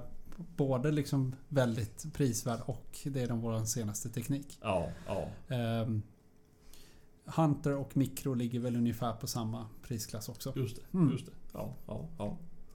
Nej men det, det, det, är ju vettigt ju. Mm. Och det var ju... Det var väl ändå någon tusenlapp eller två det skilde på en mikro och en eh, akro på, till en blaser då med fäste. Absolut. Ja. Och där den största, den största skillnaden är för att vi ju själva då har eh, tillsammans med ett fästesverkare tagit fram ett, ett fäste. Som då vi kan, eh, vi kan få ner kostnaden på, på själva montaget då så att säga. Ja, ja men det är ju... Det, det är sånt. Det, det är ju eh, väl värt att veta när man lyssnar på det här. För annars har man ju... Liksom, man, man tänker ofta att det nyaste är det dyraste. Mm. Men, Ja men exakt. Ja. Så att, nej, så Sen har ni ju eran batteritid också. Ja men exakt. Och där, Ja, där hur, kanske hur vi långt inte... är det på Nacron? Eh, hur många timmar? Ja, 50 000. fan då behöver man aldrig slav ju. Det är 50 000 timmar på ett batteri. Ja. Och det är på ett visst läge då. Eh, Ja, precis. Så det är ju Jo, det är på, på läge 6 på Acron. Eh, Det säger ju inte er Hur många lägen är det på Acron? Eh, nio. Nio? Ja. ja. Då är det ändå ganska skarp punkt. Ja, alltså det är att det börjar ju då på läge 7. Så om du sätter igång det så är det på läge 7. Så det är ett Okej. snäpp ner. Ah. Så att säga. Ja, ja. Ja. Precis. Så om man råkar ha på det på högsta läget så varar det ju absolut inte i fem år. Nej, nej, nej. nej Ehm. men det, det ska du väl ha mycket till. Mm. Eh, och på mikron så är det i läge 7 då som det är eh, 50 000, 50 000 timmars batteritid. Mm. Det. Eh, Jag brukar Jag brukar liksom säga så här att ja, om du kommer ihåg att stänga av det så stäng av det. För det, är, det finns ju ingenting som är så enerverande som att man liksom ska ut och så jaga så har man inte bytt batteri på tre år så, Nej, liksom, nej. så är det slut. Det, är ju, det får ju liksom inte hända. Nej, nej, nej. Inte på ett sikte där du inte har någonting annat att gå efter heller. Så Nej det- exakt. Men annars är det ju batterierna de, de, de stänger aldrig av sig själva eller? Nej. Eh, Och det är, det är många som frågar oss varför inte vi har den tekniken. För vi har ju vissa konkurrenter som har, har den tekniken. Och då kan man ju ta till exempel då Blaser RD20 som Mm. till exempel då har en... eh, Alltså om man ställer den åt sidan så stängs den av. Mm. Eh, Men saken är så här att vi försöker ju eliminera så många fel, Just det. eh, fel eh, aspekter. Vad, vad säger man egentligen? Ja, Fel, jag Ja men, ja, men det, det är ju felande länkar. Ja, felande länkar. Ja. Precis. Eh, I och med att våra kunder är ju egentligen inte jägare utan det är ju folk som ska hoppa ut från flygplan, dyka ner till 35 meters djup, slå in en sten och sen så ska de liksom döda talibaner. Du pratar om rörmokare. Ja, precis. nej, men, nej men våra, våra kunder är ju, de, de som vi bygger sikte för det är ju folk som liksom ska Med livet som insats. Med livet som insats på riktigt liksom. Eh, en Va? far, Då ska du inte kunna på sluta. riktigt? Det tror inte jag... Du. nej men alltså en gisslansituation eller, eller vad som helst. Ja, men det får, det, har du- får inte strula då. nej det får ju inte strula. Och det, det är Nej, ju liksom... vadå, så om, du, om du går in då med bössan lite högt upphöjd så här Ja. i och så bara fäller du ner så bara, nej, Ja men alltså, det, det är ju en till grej som kan gå sönder. Ja, även om ja. den...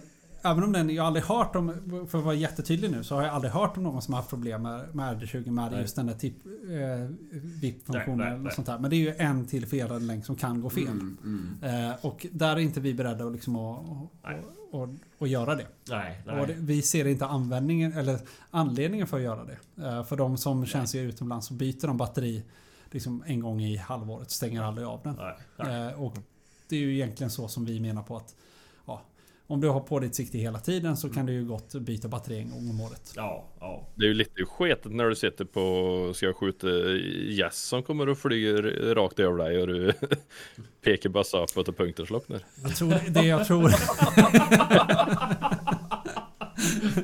ja, det är väl någon sorts sån här shake away. Jag vet faktiskt inte hur den tekniken fungerar men det, jag, jag kan inte tänka mig att det är bara... Sånt tror jag min är i alla fall. Vad sa du? Ka- Sånt tror jag min är i alla fall. För den har ju den funktionen om jag lägger den ner på pass. Ja, Eller ställer den rakt upp så slocknar den. ja Jo, exakt. men det, Men det är, det är ju inte, det är ju inte rödpunkten som är huvudsakliga siktet heller då. Nej, och det är inte ens, det är inte ens samma tekn- eh, teknologi. Nej, Eh, nej. För alltså, många säger att jag har röd punkt i, min, eh, i mitt kikarsikte. Belyst riktmedel. Ja, precis. Belyst riktmedel. Det är liksom inte alls samma tek- teknologi. Och den drar mycket Nej. mer ström än vad röd punkt gör. Ja, just Ja. det. Just det. Eh, sen, sen är det ju liksom... Vi, vi är ju så tram... Alltså om man tänker då... Vi är ju inte unika med att ha 50 000 timmars batteritid längre Nej. på, på rödpunktssikten. Eh, men om man tittar på de här... På det, när, när då våra konkurrenter skriver då 50 000 timmars batteritid. Så är det väldigt få som faktiskt specificerar vilket läge Ja, just det. som det är 50 000 timmars Ja, batteritid i. mm. Så det kan vara på läge 3 av 10. Säger ju inte så jättemycket. Nej, Om nej. det då tar slut liksom på eh, 2000 timmar på läge som man faktiskt kan jaga med. Då betyder det ju ingenting att man har 50 000 timmars batteritid. Nej, nej, men såklart, såklart. Så när du köper ficklampor på internet. Med 100 000 eh, åtta lumen. timmars, åtta timmars batteri, ja 100 000 lumen och 8 timmars batteritid. På läsläget. Ja, exakt. Så du inte ens ser skosnörena i mörkret om du ska knyta skora. Nej, men precis. Eh, och ja, Ja, men det, det, det är ju vettigt. Är det någonting mer du vill lyfta gällande aimpointen? Eh, ja, du har ju sett allting byggt i Sverige. Det, Jag tror att de allra flesta vet det vid det här laget. Men det tål, tål ändå upprepat. Eh, Aimpoints filosofi hela tiden har varit att eh, hålla det i Sverige. Ja. Vi, De byggs för hand av svenska eh, i Sverige. Eh, det, sen så är det ju så att vi bygger inte allt Nej. i, eh, i Malmö utan vi köper in komponenter från olika, eh, från olika håll. Och då har vi bestämt att om det går att köpa i Sverige för alltså, rimliga pengar Ja. så ska vi köpa det från Sverige. Om inte det går så köper vi inom Norden. Om inte det går så inom Europa. Om inte det går så går vi utanför Europa. Eh, försöka hålla det så nära Sverige det bara går. Och det för att säkerställa då att vi ska ha den kvaliteten som vi lovar. Och eh, att, att vi liksom kan följa upp de processerna för att eh, bibehålla kvaliteten. Just det, just det. Nu Mm. fick jag ju en jättebra tankeidé här i efterhand som jag skulle sagt mycket tidigare. De här siktarna vi fick låna då. Då var det ju att då skulle ni ju märka dem på något vis. Men Mm. vi fick ju välja märkningen själva. Ja, Då skulle jag ju skrivit Made in Taiwan på min. det hade du inte fått. Det kan jag säga. Det hade du inte fått. Eller såhär wish. Ja, Men nu står det... Köpt, köpt, köpt på Wish. Ja, exakt, exakt. Eller såhär QR-kod till liknande på Wish. Ja, just det. Nej. Men det står ju... Jag vet inte vad det står i era, men min står det ju Monster och Dubbelnugge. Eller Dubbelnugge och Monster. Ja. Vad står det på Hampus? Halvplantans vänner. Och Kristoffer? FN. Ja, just det. Och är en intern grej mellan mig och min smed. Ja, Han just det. skrattade rakt ut när han såg den förut. När han öppnade kartongen. vad, vad står det på Martins då? Ehm, Håll, håll väl, var kolugn. Ja, precis. nu försökte jag härma hans Ja. dialekt men det blev något jättekonstigt. Vart mer värmländska. Ja. Mm. Men det var ju det hans morfar, eller farfar, hade sagt till honom ju. Ja just det. Och Så att, eh, det var ju därför Fan, jag, det var ju därför jag Det var ju skit. Det var jävligt bra. Det var ju därför jag sa och frågade han här när vi satt och poddade. Om det är okej att Aimpoint skriver någonting annat. Och det var då ni började hålla på om att jag skulle skriva radiolegenden eller eh, något djävulskap ju. Och det var det ju det här. Men du, du, var ju lite, du fick ju lite panik där så att du, du vågade inte riktigt utan fråga honom. Nej, men det var faktiskt tur för jag, jag, Ja, trodde, det. att, jag trodde att eh, han sa cool lugn. Ja, ja. Men han menar ko som i mu. Ja. Eh, De är ju aldrig stressade. Så var cool lugn. Så det var tur att jag frågade. Mm. Ja, ja, ja. Men det var, det var faktiskt för att jag lyssnade på podden. Så Ja. Mm. tänkte jag att nu har jag en bättre gravering jag kan ge än det han Ja, det var, ville från början. Ja, det var fan skitbra. Så Mm. att, eh, jag har varit nöjd. Och det är ju det ju ett bra citat att ta med sig. Mm. Ja, men det tycker jag. Det var väldigt fint. Jo men det är det. det, är det. Eh, och så finns det säkert bönder där ute som vet om att kor är inte alls lugna om man försöker trycka in 24 stycken i en 12-klassad släpa. Eller när man går runt i en kohage med en drever och letar efter en kalv och Odner släpper ut resterande kor. mm, ja exakt. Eller man ska, Det. ska öronmärka. Fan jag saxa med drevern över eh, 120 centimeter fårstängsel. Aj jävlar i mig själv. Ja, att du bara orkar lyfta den där feta drevern. Det är ju sjukt. Nej han släppte jag på insidan. Jaha. Jag saxade ju. Ja nu, nu var det en för sig själv så. Du löser det här du. Aj jävlar. Ja men det är rätt, det är rätt. Men eh, nej, men jag vet inte om det är någonting annat som egentligen är... är alltså det, det är ju ett ganska etablerat varumärke och eh, vi har fått ut de viktigaste punkterna för att prata lite om Acron och eh, Mm. att eh, prata om att vi är eh, inte sponsrade utan vi bara fått låna era sikten. Mm. Eh, Och det tycker jag är den bästa... besvi- vilken besvikelse det var. Inte, Ja. inte Ja. sponsor. och det är ju och så här... att- Sluta jaga spons! Say no more. Ja, Say no more. Men eh, då kanske vi ska ta och runda av för kvällen. ja, jag ska åka ut och släppa stävar nu. Mm, det ska du göra ja. Mm, Jag ska snart upp och jobba, ja det blir kul. mm, jag med. Vad, vad är det? Men det ska Mm, bli jätte, jättekul att, att höra, höra hur det går för er. Mm, Med, eh, med de kära inpoints. Mm, ja men det ska bli kul. Ja. Onsdag ska den göra drevjaktspremiär. Kul. Vad ska du jaga? Eh, vi ska jaga utanför Västerås på eh, en pungård. Så det är krondov, älg, nej krondov, vildsvin, rådjur, räv. Ja, Ja. väldigt bra. Det är ju så när, när man inte blir bjuden på fina jakter så får ju folk köpa dem själva. Ja, Så. vi har köpt dem. Ja. Ja, det, vi, ja, jag, Martin, Axel, Kalander, eh, Daniel Hjort. Vi är ett jävla gäng som ska dit. Jaha, var är min inbjudan då? Jag skojar bara! Du ska, ju, du ska ju komma upp och jaga älg så. Ja, just det. Vem, men vem, vem köpte din jakt då Hampus? Jag har köpt min jakt. Du har köpt Jag- den ja. Och det var inte en tidig julklapp ifrån Karo? Nej. Nej, jag, Nej, Jag jobbar hårt. ja, jag vet inte. Man Nej, ser det. nej, ja men du ska veta hur jobbigt det är att skriva till Försäkringskassan varje vecka och fråga efter sina pengar. Jag är Vad jobbar du med Hampus. Vi har ju känt varandra ett tag nu men jag vet faktiskt på riktigt inte vad du arbetar med. Va- Varför får jag den här frågan till varje poddavsnitt? Ja, men jag det, vet det, det, det, Jag är det, det, egenföretagare. det är olika Du är varje gång. egenföretagare. Ja. Ja. Vad gör du då? Jobbar med jakt, jakt och sen så kör Ah. jag lite snö. Och nu, just nu kör jag lite snö och sådär. Men jakt och skog och allt möjligt. Klipper gräsmattor och... Nej, jag klipper inte. Det var ju grannen det. Det är grannen som gör. Eh, på tal om klippa gräsmattor så måste jag bara säga som så här att Nu kommer vi väl... Jag vet inte om det här kommer släppas först eller vi släpper ett annat först eh, avsnitt av podden. Men anledningen till att det inte blev något avsnitt förra veckan Det är Jonas Edmans fel. Så jag vill att alla ni ska skriva till Jonas Edman och säga att gud vad taskig du är som inte fick eh, liksom eh, jaktsnack till att släppa ett avsnitt.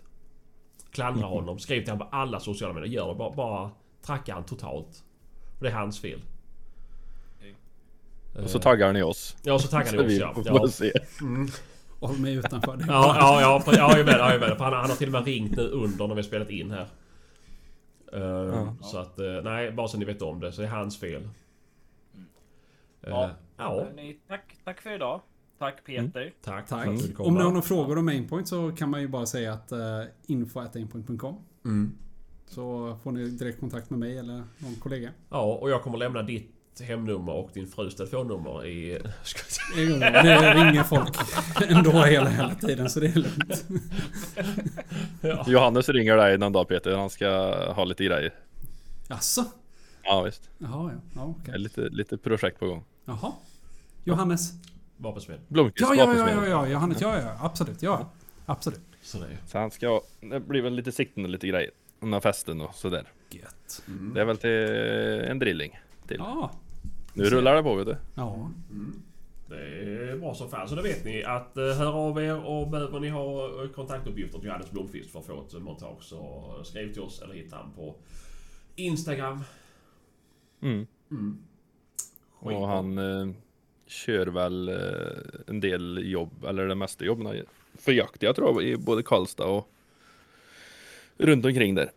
Så bor ni i närheten så, så är det stor chans att det är han som gör det. Skitbra. Skitbra. Men Jajamän. eh, tack för ikväll Då Tack för Tack för ikväll grabbar. Tack så mycket. Så är vi. Då- Ha det. Ha det så Ha gott. det gött. Hej. Hej med.